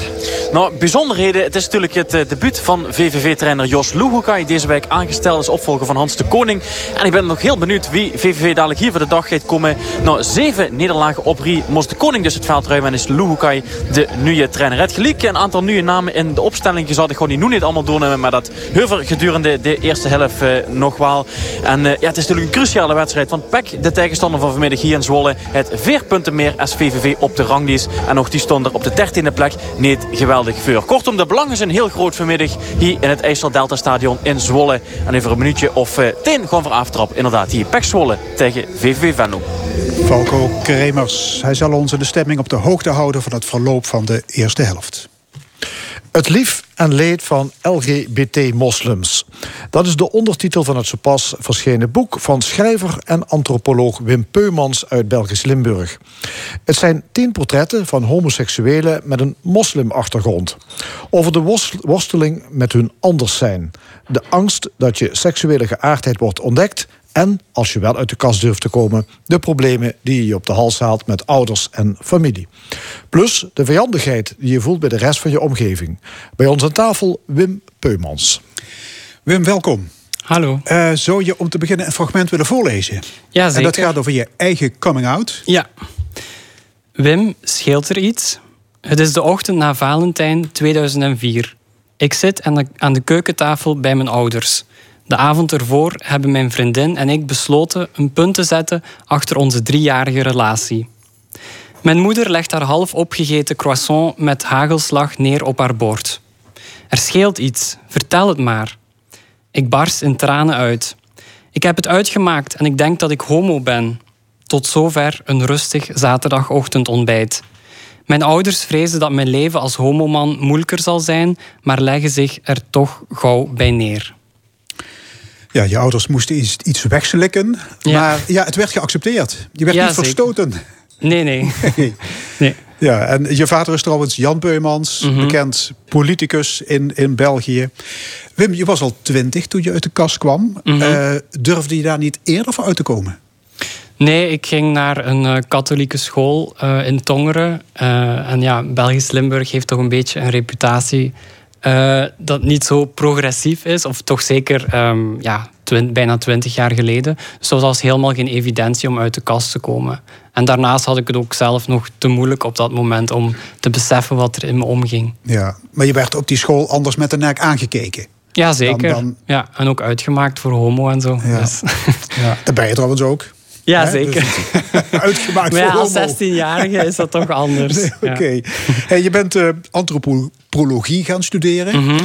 En je wilde een proefschrift schrijven over homoseksualiteit en islam. Ja. Wat waren toen de reacties? Uh, de reacties binnen de academische context liepen uit, uiteen. Uh, er waren mensen die heel enthousiast waren, maar ook collega's die zeiden van oh, uh, dat, dat bestaat toch niet, uh, waarom ga je dat doen? En, ik, en dan moest ik ook verdedigen van waarom ze wel homo en moslim konden zijn. Uh, en dan zeiden collega's van ja, als je regels gaat anders interpreteren, dat is een beetje het kind met het badwater weggooien. Dus er waren wel gemengde reacties. Gemengde, ja, maar je hebt je niet laten ontmoedigen. Je bent nee, gewoon onderzoek nee. gaan doen. Hè? Mm -hmm. Wat zegt de Koran eigenlijk over homoseksualiteit? Wel, daar lopen de meningen heel uh, uiteen over. Uh, de standaardinterpretatie is dat het niet mag, maar je hebt meer progressieve uh, moslims die religieuze teksten anders interpreteren en dan bepaalde passages meer in een homovriendelijk daglicht proberen te stellen. En ze proberen dan ook de religieuze teksten binnen hun plaats, tijd en context te kaderen. En dus eigenlijk geven die bronteksten geen uitsluitsel? Uh, ja, daar bedoel, bestaat... Maar hoe je, het, hoe je het interpreteert. Ja, het gaat om interpretatie en ook over vertaling. Dus uh, over bepaalde termen en zo. Maar ja, ik ga nu niet uh, helemaal nee, in nee, de theologische nee, okay. details Maar, maar treden. feit is wel dat een tal van moslimlanden de doodstraf staat op homoseksualiteit. In dus een... dan weet je hoe die dat hebben uitgelegd. Ja, maar wat vaak vergeten is, wordt, is dat die wetten geïnstalleerd werden tijdens de koloniale tijd. Dus dat uh, Frankrijk en Engeland eigenlijk die wetten hebben geïntroduceerd. Voor de koloniale tijd stond het Midden-Oosten en Noord-Afrika eigenlijk bekend als een plek waar zogezegd alles uh, mocht. En vanuit Victoriaans Europa werd daar dan met huiver naar Hmm. gekeken. Maar goed, die wetten zijn ook niet meer veranderd. Dan, kennelijk. Nee. Uh, je hebt als onderzoeker toen ja, tientallen mensen geïnterviewd. Mhm. Wanneer kwam je op het idee om met die verhalen nog iets te gaan doen? Ja. Wel, ik heb in 2015 mijn PhD uh, verdedigd. En dan uh, ben ik hier in Maastricht betrokken geraakt bij het opzetten van een foodcoop, gedeelde weelde. En tegelijkertijd heb ik uh, de biografie van mijn vader geschreven. En tijdens het schrijven van de biografie merkte ik dat ik heel graag schrijf. En dat ik ook graag onderzoek doe, maar niet noodzakelijk binnen een academische context. En dan was ja, het volgende logische project leek me dan dit boek. Om een, een, boek eigenlijk te schrijven voor een breed publiek. Want ik had al boeken geschreven op basis van mijn academisch onderzoek voor een gespecialiseerd publiek. Maar dit is echt een boek dat door iedereen gelezen kan ja, worden. Toen heb je tien van die moslims opnieuw opgezocht. Ja, ik om heb... ze te, te laten vertellen over ja, wat jij noemt hun worsteling tussen twee werelden. Ja, Uh, ik heb uh, tien van hen terug opgezocht, omdat er soms uh, acht jaar tussen het eerste interview en het interview vorig jaar of, of eind 2019 zat. om eigenlijk te kijken van hoe het met hun verlopen is de afgelopen jaren. En want dan krijg je eigenlijk, eigenlijk een uniek lange termijn perspectief, wat heel interessant is voor een boek. En uh, ja, ik merkte net, zoals toen, dat er natuurlijk een worsteling is tussen twee werelden. Enerzijds is er de familie en verwachtingen rond huwelijk en um, kinderen krijgen die al of niet expliciet worden uitgesproken. Maar wat vaak vergeten wordt, is dat, ook, dat er ook verwachtingen zijn rond uh, LGBT zijn. Dat je echt uit de kast moet komen. Mm. Dat is iets wat ja, vanzelfsprekend is binnen de Belgische en Nederlandse context. Maar voor LGBT-moslims is dat niet het geval. Zij kunnen dat niet of ze willen dat uh, vaak nee, zelfs maar om, niet. om te beginnen, en dat blijkt uit al die verhalen... is dat er een enorm taboe ligt op homoseksualiteit. He, daar wordt binnen de familie gewoon over gezwegen. Ja, er wordt... die, die ervaring heeft bijna iedereen. Ja, dat is iets wat vaak terugkomt. Uh, er wordt over, er wordt, uh, gezwegen. Uh, er is eigenlijk de aanname dat iedereen het weet, maar er wordt niet over gesproken, omdat dat dan de beste manier is om er uh, mee om te gaan. Dus een van de dingen die ik wil duidelijk maken met het boek is dat er meerdere manieren zijn van uit de kast te komen. Dat voor iedereen het niet werkt om echt expliciet uh, je ouders, zoals ik deed, uh, aan tafel Ja. even te gaan zeggen van hoe de vork aan de steel zit. Maar dat wil niet zeggen dat ouders, ja, ouders zijn ouders. Dus ze hebben natuurlijk ook wel iets door na een tijdje. Mm. Maar door er echt niet expliciet over te spreken, is dat een manier die voor iedereen werkbaar is. Ja. En iedereen wordt voorbereid op het huwelijk. Ene Yalda, een Marokkaanse uit Belgisch Limburg, die zegt in je boek: Mensen blijven me die ene prangende vraag stellen. En, en, wanneer ga je trouwen? Afhankelijk van wie me de vraag stelt, verstijft mijn lichaam volledig. Ja, ik denk dat het uh, Ilias was uit, uit het eerste hoofdstuk, maar doet er niet Oh, toe. Maar ehm, ja, dat is zeker een verwachting. Ik denk dat dat ook bij eh, witte Nederlanders en Belgen is, dat er de, altijd de vraag komt van, hey, heb je al iemand, heb, zit je al in een relatie? Uh, maar bij moslims is dat zo dat er natuurlijk ook een religieuze component aan hangt. Dat dat huwelijk gewoon een belangrijk deel is van je volwassenwording. En voor LGBT-moslims brengt dat natuurlijk drempels met zich mee. Ze moeten dan op zoek gaan naar uh, ja, allerlei excuses. En zeker naarmate ze ouder worden. Ik heb mensen gesproken die uh, destijds begin 20 waren en nu midden 30 of, of begin 30. En die nog steeds dan soms die vraag krijgen van hey, ga je trouwen? En dan Ilias, dus uit het eerste hoofdstuk, die zegt dan altijd met een uh, Arabisch woord mektab, mektab, wat betekent uh, het voorgeschrevene. Dus dat betekent van ja, of ik ga trouwen of niet, dat ligt in de handen van God. En dan zwijgen mensen ook meestal, want ja, als je je God gaat uh, inroepen, dan, Ja, ja, ja. dan is het moeilijk om er iets tegen in te brengen. Nu worden LGBT'ers die worden aangemoedigd hè, om uit de kast te komen, ook door de media. Mhm. Eh, ervaren mensen met een, met een moslimachtergrond dat als een, als een druk, als iets onaangenaams? Ik denk dat voor sommigen het wel een, een druk is, omdat het eigenlijk zo'n hoge standaard is waar ze niet kunnen aan doen. En dan ja, heb je het gevoel dat, dat je altijd uh, aan iets tekort doet. Dus je doet je ouders tekort en je doet eigenlijk je mede-LGBT's uh, iets tekort. Dus op die manier zet het wel een druk.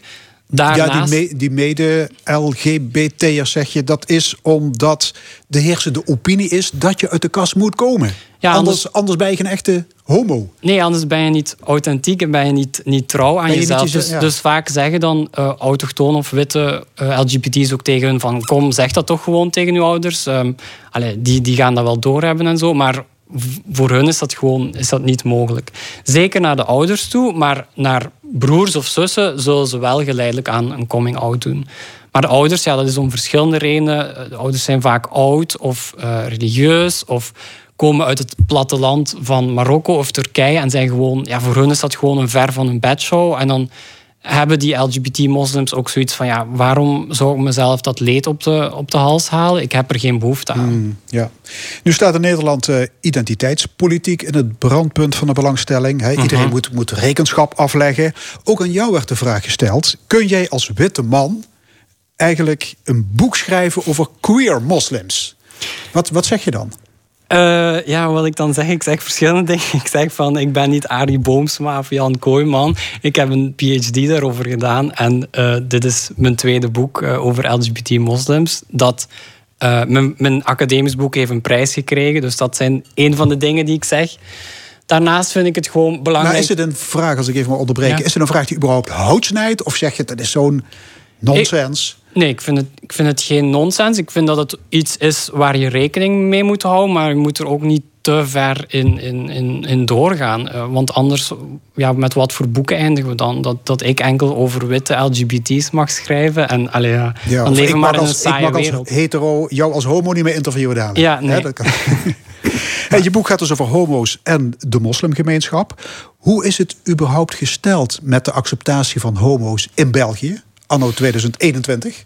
Eh, ja, in België naderen we net als in Nederland het 20-jarig bestaan van het LGBT-huwelijk. En ik denk dat dat ook wel een mooi, mooi moment is om stand van zaken op te maken. En ja, je merkt bijvoorbeeld uit een rapport van ILGA Europe, dat is een LGBT-belangenorganisatie.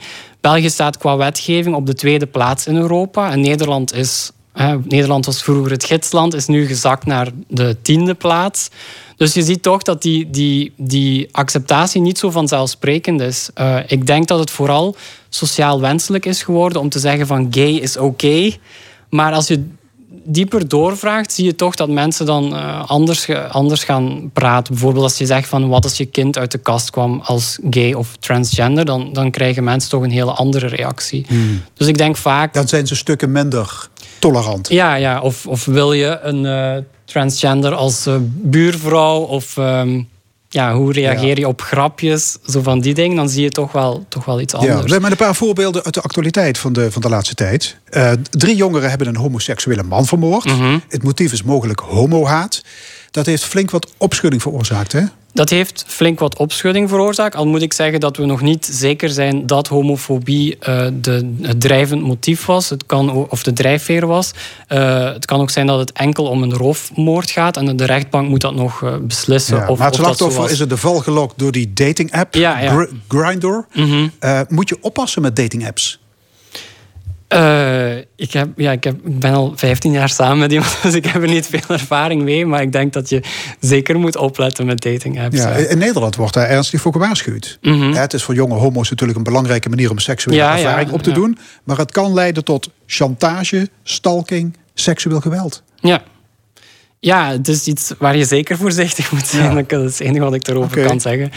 Ehm, Goed, dan, dan heb je nog die homofobe uitspraken van ene Jeff Elbers van het Mhm. Vlaams Belang. Mhm. Ook over transgenders. Ja, de- Mhm. te, te gek voor woorden, die uitspraken. Ja. Hoe is daarop gereageerd? Ja, het Vlaams Belang is een beetje een eh, mix van PVV en eh, Forum voor de Democratie, of hoe heet van, van dingen. Ja, radicaal rechts in Ja, geval. radicaal rechts. En radicaal rechts probeert nu het homo-thema eh, naar zich toe te trekken en te zeggen van ja, wij zijn heel acceptabel ten opzichte van LGBT's, maar dat is niet zo. En zo'n uitspraken zijn daar het voorbeeld van. Er waren vorig jaar of twee jaar geleden nog een aantal politiek mandatarissen die ja, de meest verschrikkelijke dingen zeiden.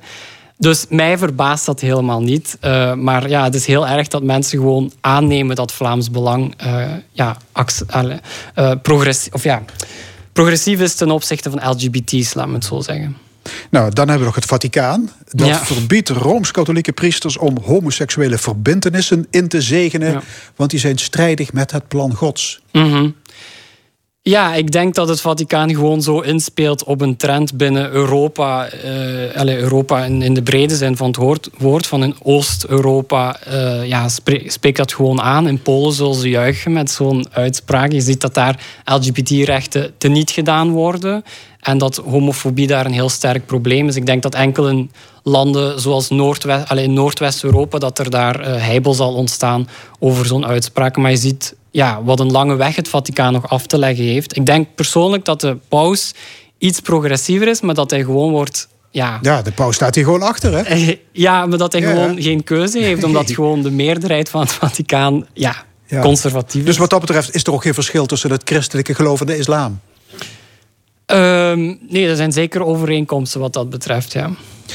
Nog één vraag erover. Zijn er homoseksuele moslims die eh, eh, de islam afzweren? Om die reden? Eh. of werk je dan nog verder in de nest?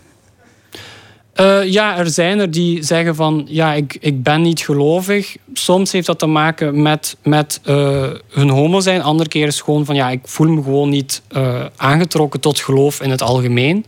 Maar wat ik, doordat ik zo'n lange termijn perspectief heb genomen, is wat ik wel zie dat daar ja, dat ze daar uh, veranderingen in ondergaan. Dat ze bijvoorbeeld tijdens hun puberteit het afzworen, maar dan als ze het einde van de twintig naderen, proberen ze toch weer toegang uh, te krijgen tot het geloof. En ook meer organisaties en bronnen op te zoeken die uh, ja, meer accepterend staan ten opzichte van homoseksualiteit. Wat hoop je met Habibi te bereiken? ja, in België krijg ik heel veel respons al op het boek. En dat vind ik heel fijn, omdat uh, ja, ik heb hier heel veel jaren van mijn leven aan besteed. En het is heel leuk om met uh, zo'n zo'n boek een breed publiek uh, te bereiken. Ja, gisteren een groot interview in het Belang van Limburg. Ja. Belgische krant. Ja, ja. dus ja, dat is gewoon heel fijn hoeveel aandacht het krijgt. Ehm, ik denk dat de verhalen ons een goede inkijk geven in wat voor maatschappij we leven, omdat uh, LGBT-moslims zich op het kruispunt vinden, bevinden van verschillende minderheden. Ze zijn seksueel een minderheid, religieus en etnisch.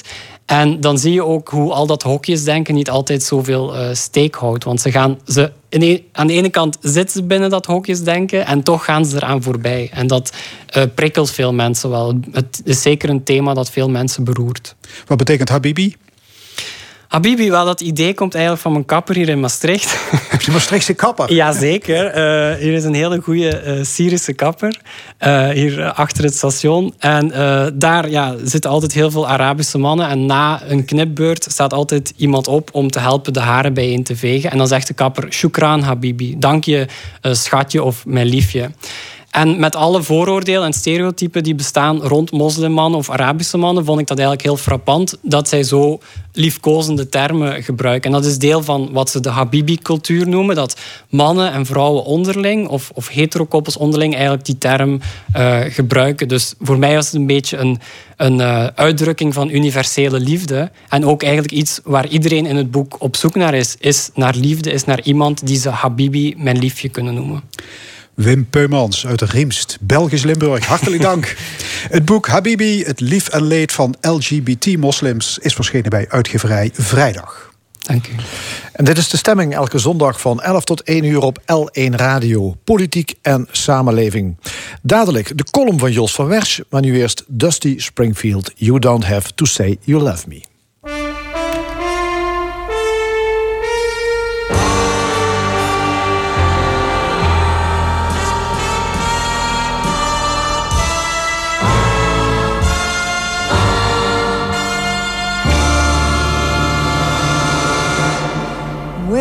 I said I needed you.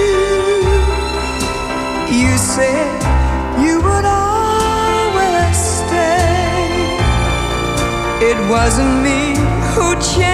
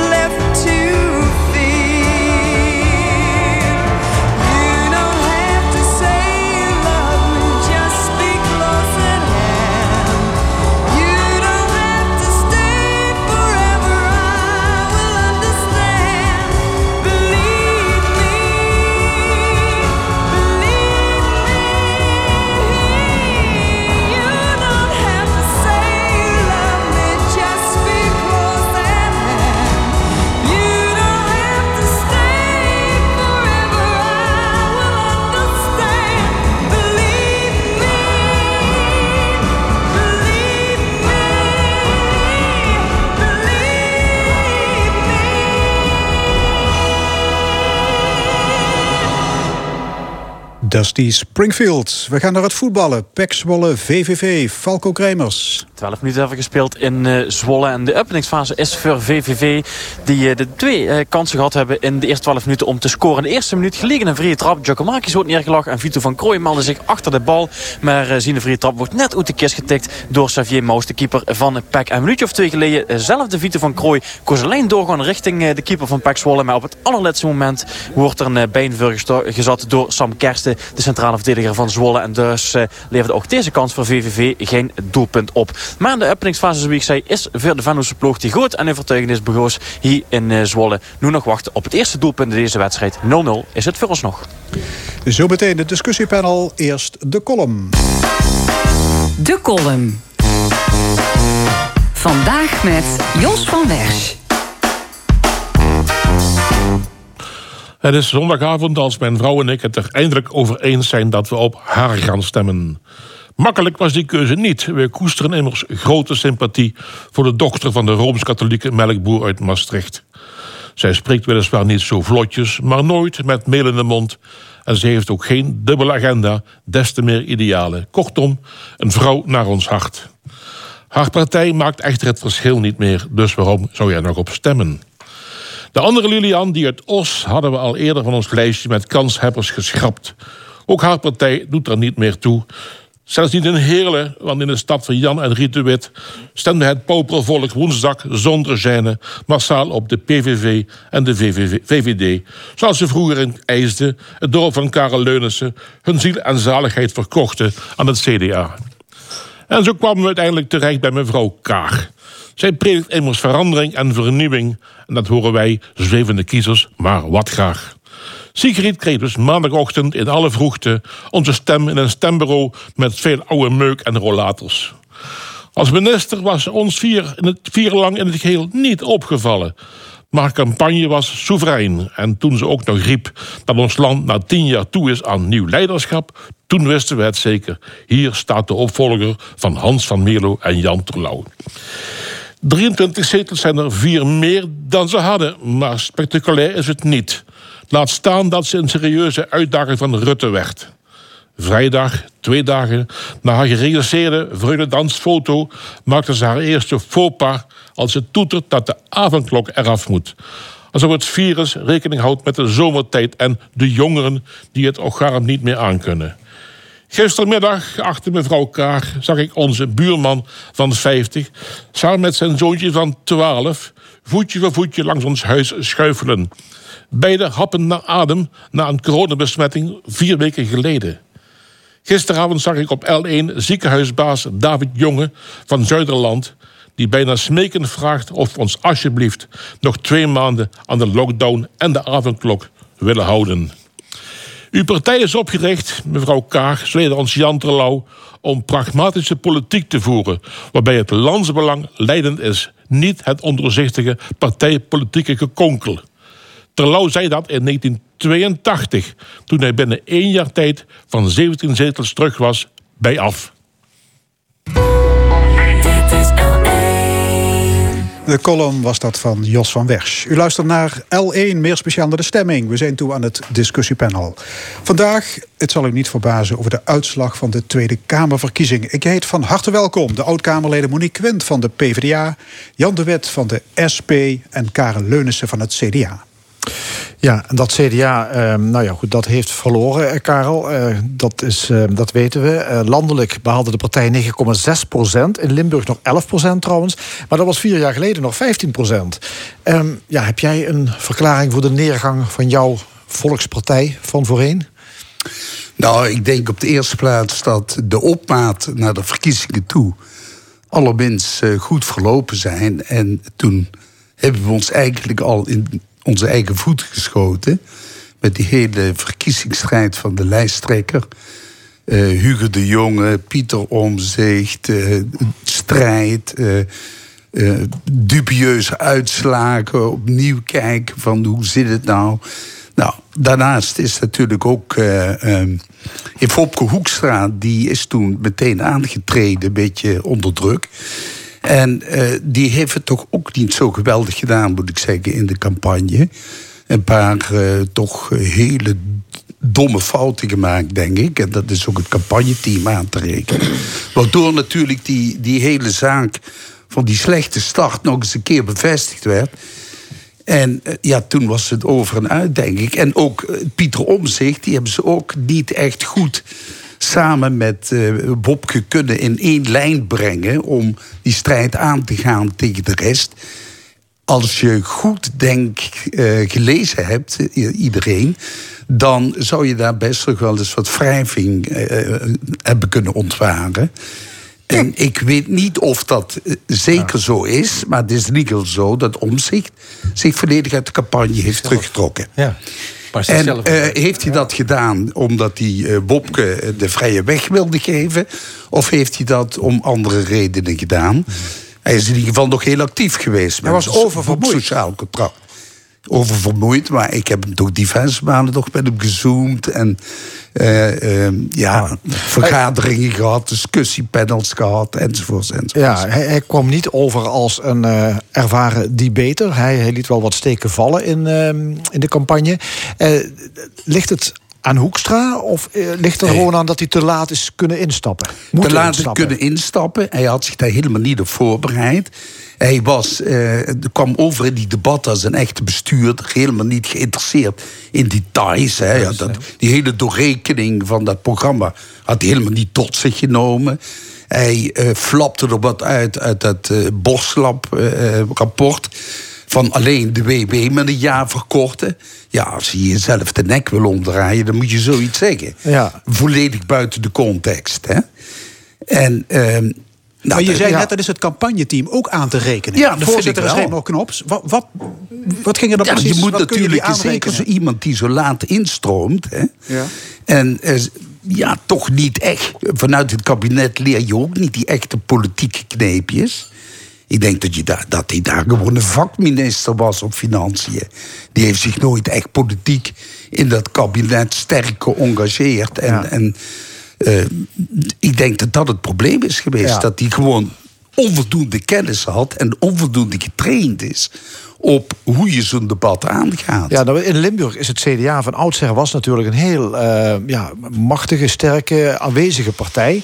Uh, je zag ook altijd dat Limburgse kandidaten in die Tweede Kamer, Ja. dat die het altijd goed deden, veel voorkeurstemmen haalden. Dus je kunt zeggen, ja, die lijst Nou, daar heb je dat- last van, maar je had die sterke Limburgse kandidaten. Ja. Die hebben het ook niet waargemaakt. Nou, nee, ik denk dat, dat het CDA-bestuur Limburg zich veel sterker had moeten inzetten in dat versterkt bestij- be- partijbestuursvergadering, waar de lijst wordt opgemaakt, om die Limburgse kandidaten veel hoger te krijgen. Het feit dat Martijn van Helvert naar 25 is gegaan, is natuurlijk toch een, ja, een, een, een, een negatief eh, effect geeft dat op de verkiesbaarheid van Martijn van Helvert. Je denkt dat mensen dan minder geneigd zijn om op hem te stemmen, omdat hij lager tuurlijk. staat. Dan, dan, dat spreekt uit dat de partijen niet zo geweldig waardeert, denk ik toch. Als je van plaats eh, de- de 10 naar plaats 25 gaat. Ja. En dan Mustafa Amahour, die stond op 15. Ook een beetje net op het, nu net op het randje. Volgens mij is het Monique Quint te popelen om iets te, om iets te zeggen. Nou, ik zat alleen te denken, er was natuurlijk iets meer dan met het CDA aan de hand. Er waren nog een paar dingen die aan de hand waren. Ehm, laat ik dit zeggen dat voor ehm, Lilian Ploemen in eh, grote lijnen hetzelfde probleem gold als voor Wopke.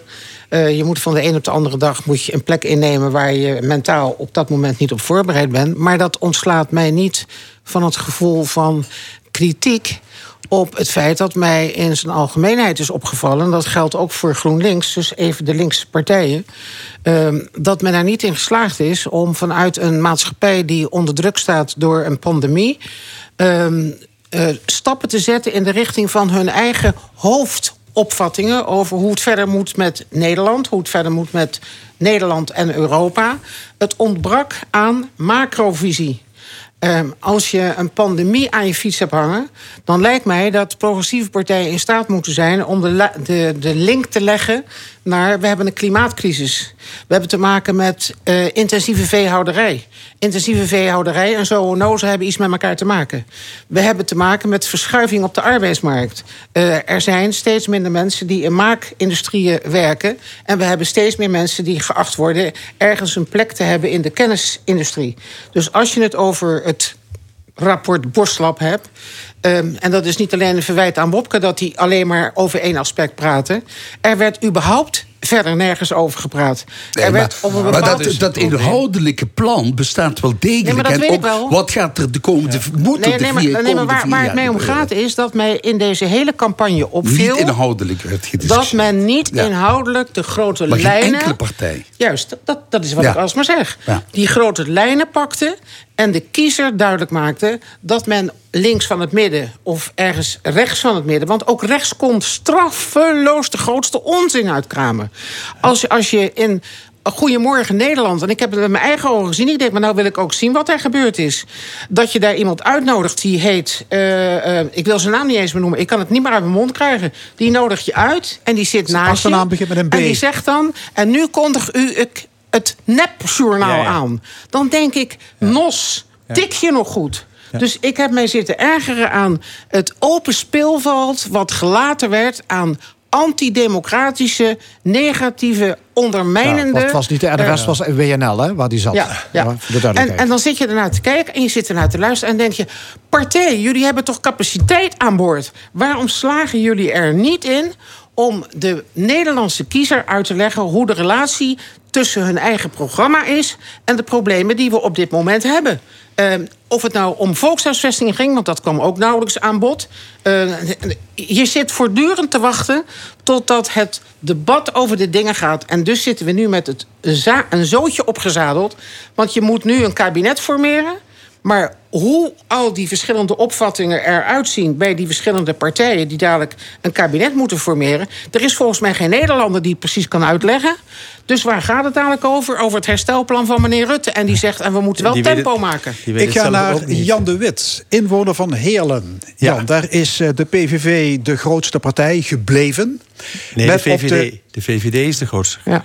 Dus Oh. dat staat ook verkeerd in de kranten. De, Oh, oké, de dan heb ik VVD, het- de, volgens de cijfers, de VVD is de grootste. De grootste. En dan de twee. PVV is achteruit gegaan. Ja, PVV en twee. de partij van Baudet is natuurlijk... En eh, SP ook. drie. Ja. Ja, Nee, heb de je- SP is... eh, Vier. Ja. Ja, heb je de fruiswagen al eh, besteld? Nee, daar, eh, dat, daar begin ik niet meer aan. Eh, ik heb eh, eh, wat dat betreft met verbazing... naar, naar, en met, met teleurstellingen, met, met, met eh, woede eigenlijk... eh, naar deze hele uitslag eh, gekeken. Maar de, misschien komen leg, we leg daar... eens uit, wa- waarom woede? Nou, ma- mag ik eerst nog eventjes wat zeggen over het punt Ja. Als aanvulling eigenlijk op wat eh, Monique zegt. Kijk, het is niet gegaan over de coronacrisis. Het is niet gegaan over de toeslagenaffaire. Ehm, en zo zijn er al die onderwerpen die eh Karel en Monique noemen... die zijn niet aan... Die zijn niet of nauwelijks aan de orde gekomen. Maar hoe komt dat eigenlijk? Voor een deel denk ik dat het verklaarbaar is door corona. Dat klinkt misschien heel banaal. Maar er zijn geen massabijeenkomsten geweest. Er zijn geen politieke avonden geweest. Geen debatavonden.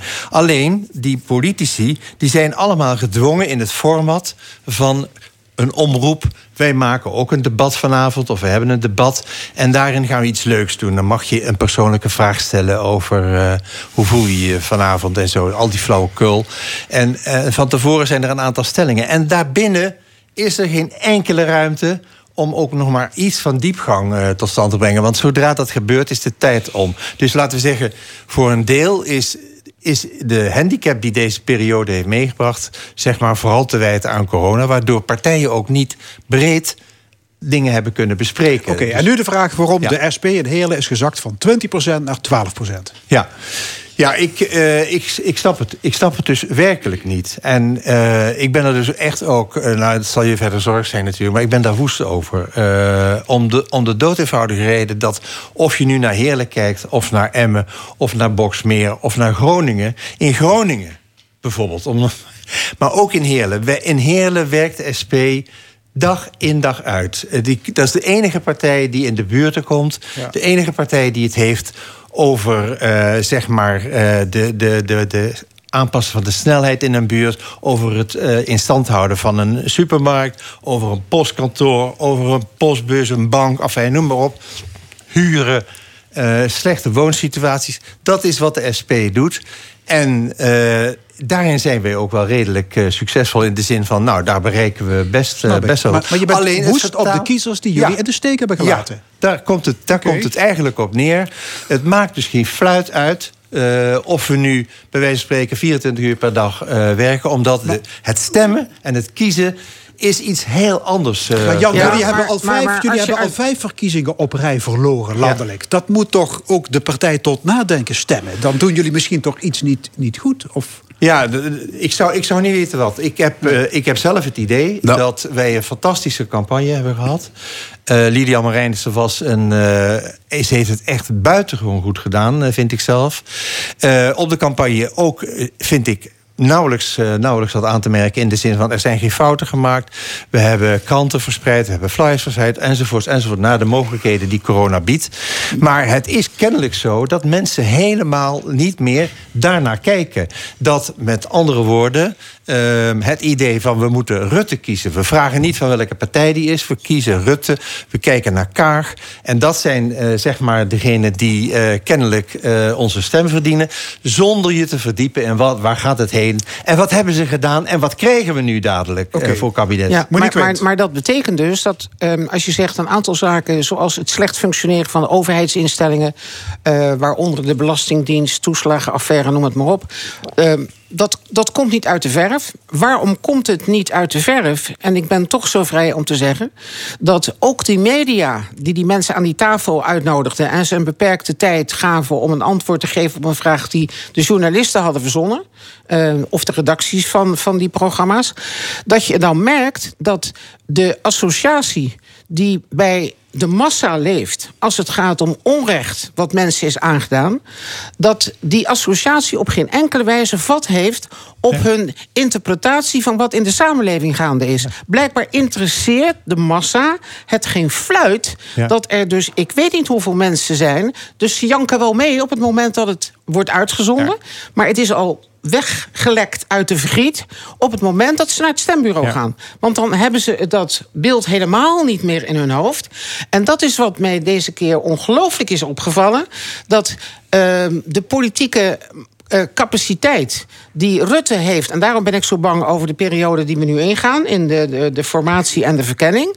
eh, dat Rutte in staat is om te suggereren... als sommige dingen eh, geen politiek nodig hebben... Hij, hij is bezig om Nederland apolitiek te maken op de een of andere manier. Zo van, ik heb eh, eigenlijk al goed nagedacht. Vertrouw mij nou maar, of het nou over corona gaat... of het gaat om een herstelplan, zoals hij dat gemaakt heeft.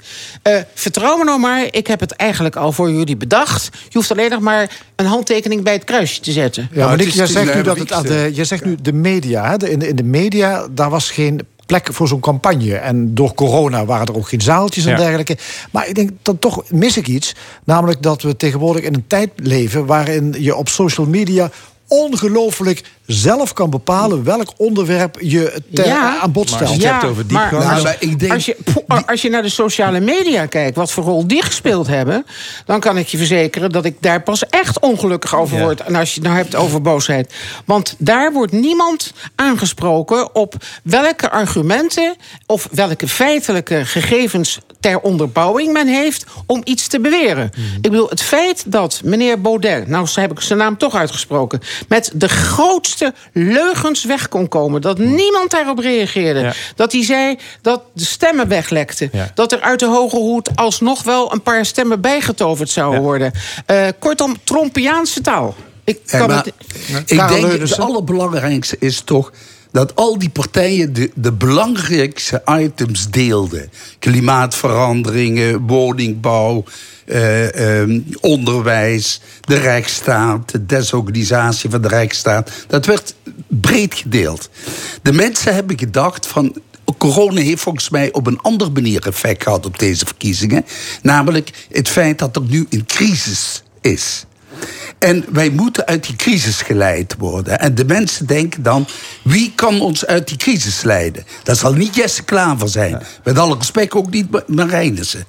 En al die partijtjes vielen daardoor een beetje tussen het wal en schip. En wie kon dat wel? Tien jaar eh, track record, Mark Rutte.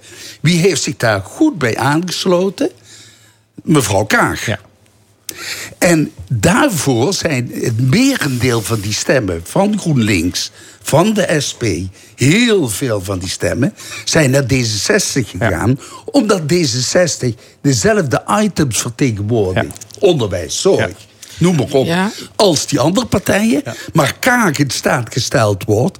Omdat wij eigenlijk politiek iets te veranderen Ja, nee, maar, maar, maar, maar Karel... Wat, Het is toch maar de vraag hoor. Want Maar- ja, maar wat jij zegt houdt niet in dat al die partijen die het eens zijn over dit zijn de hoofdproblemen die we moeten oplossen, ook dezelfde opvatting hebben over de manier waarop die Waarop problemen worden dat opgelost. klopt. En, en, dan zeg ik van, als ik dan hoor dat mevrouw Ploemen eh, 42 miljard van het bedrijfsleven wil afpakken, dan onthoof je jezelf ook al. Ja, nee. Want er Ja. werd gewoon lachend over gedaan. En dat is natuurlijk ook een maatregel die helemaal. Nee maar, nee, maar zo, nee, maar zo kan je doorgaan. Ik bedoel, het CDA ontkent gewoon dat er sprake is van intensieve veehouderij die iets te maken Ja, maar heeft laten we met de verkiezingscampagne niet eh opnieuw Die, nee, maar die, doen. nee, maar die wel- discussie ja. heeft dus niet plaatsgevonden. Nee, maar maar het is wel zo dat. ja, het, is, het is, Jan de wel- Wet. het is wel zo dat. dat eh, wat mijn eigen partij betreft, we hebben een aantal zaken aan de kaak gesteld. Verhoging van het minimumloon, aflijn, noem maar op. Verlaging van de huren, bevriezing van de Ja. huren.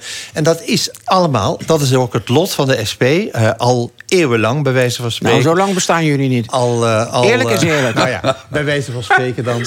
Maar in ieder geval, we hebben, we hebben altijd de functie gehad van aanjager. En heel snel worden bepaalde ideeën overgenomen. En dan zijn wij het kwijt. Ja. En dat is ook wat hier gebeurt.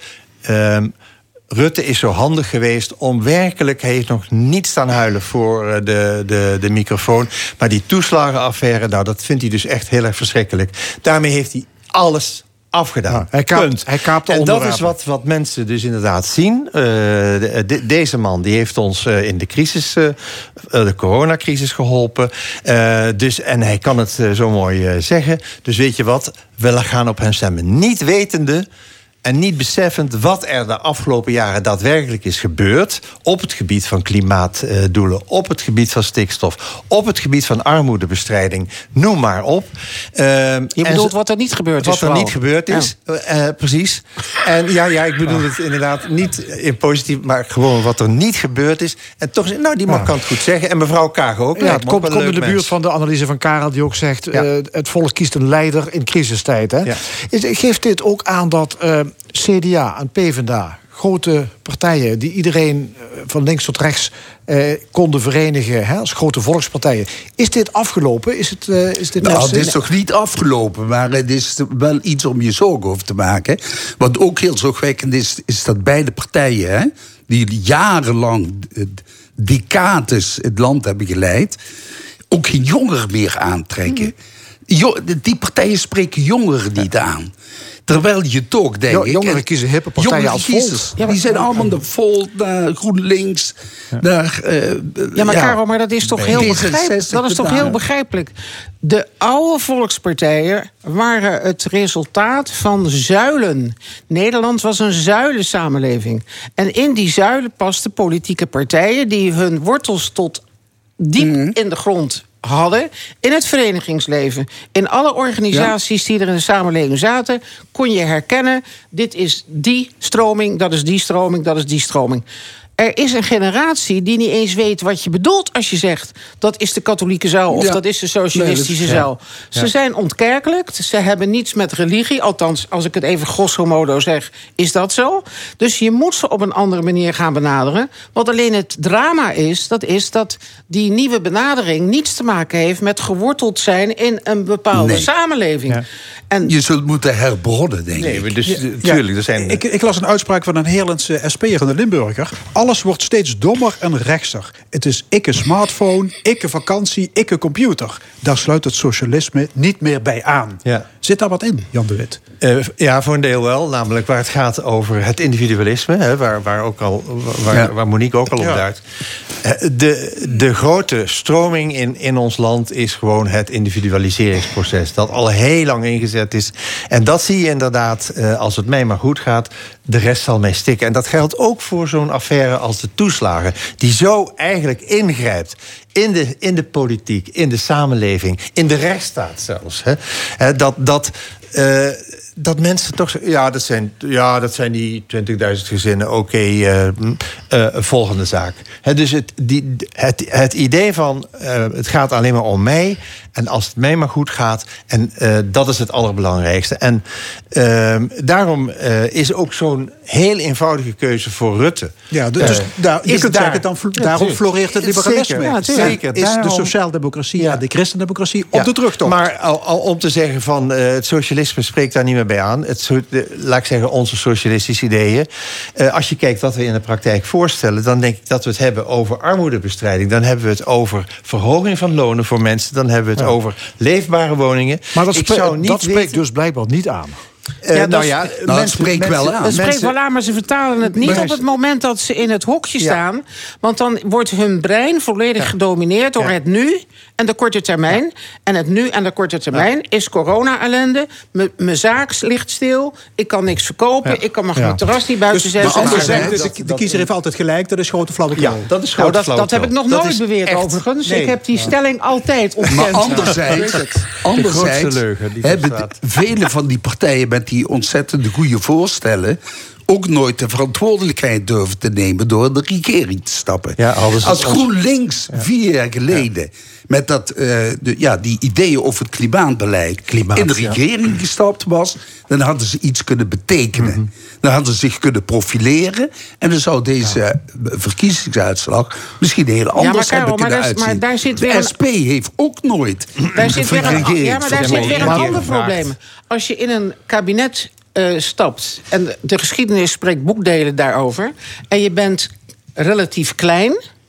Dan is meestal het resultaat daarvan dat je na afloop van de regeerperiode, als de mensen naar de stembus gaan, wordt afgerekend op het feit dat je compromissen hebt moeten sluiten met die grote waar je eigen achterban helemaal niet van houdt. Nou, dat was misschien zo tot deze laatste verkiezing. Want de eh, kabinetspartijen zijn niet afgestraft. Nou ja, Ja, nee, maar we hebben toch in de afgelopen jaren, God, godzijdank, ook geen pandemieën gehad. We hebben nu een pandemie. En als je naar Nederland kijkt, helemaal blauw gekleurd, op een paar vlekjes na. Dan is dat, dat heeft niets te maken Ja. met overtuigd liberaal zijn. Nee. Dat is op Rutte stemmen. Ja, nee, Ja, en voor is, jezelf dat is volgens mij het punt. het, zijn, het is Dat niet alleen op Rutte stemmen, het, is, ook niet op rechts stemmen. hè? Ja, het is Eh, op. eh, in feite, eh, ik hoorde al de discussie er straks met Strauss en met Tof Tissen. Eh, eh, volgens mij sterk geïnspireerd door het artikel in de Volkskrant, waar je precies ziet dat het eigenlijk al heel lang eh 80-60 is, de verhouding Ja. ongeveer links-rechts. Ja. En dat kan wat meer, dat kan wat minder zijn. Eh, dus die, die verhoudingen die zijn, eh, die zijn eh, wat dat betreft veranderd. Maar wat we zien is dat radicaal rechts, dat laten we zeggen ja 21 en, en, en het Forum voor Democratie, dat zijn bij wijze van spreken, zoals ik het zie, de grote schreeuwers.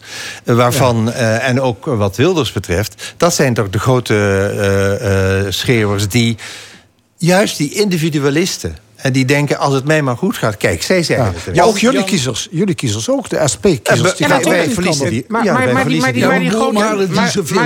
die, grote, schreeuwers op rechts worden nooit afgerekend, never, nooit, op wat ze allemaal zeggen te kunnen waarmaken. Want ze maken niks waar. Nee, maar Monique, een kwart van de Limburgse kiezers stemt radicaal rechts. Ja, dat weet was ik. vier jaar geleden 20 procent. Dat weet ik. Niet alleen door de oostelijke mijnstreek, maar gemiddeld voor heel Limburg. Hè? En dat is- 25 I know, procent. maar aan de andere kant, als je het landelijk bekijkt... dan is de situatie 2002, hè, dat is periode Fortuin...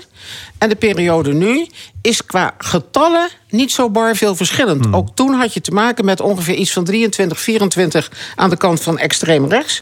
En aan links zat het toen ook zo rond de 50, 60. Maar wat het grote verschil nu is... Fortuin was niet met de sociale media opgezadeld...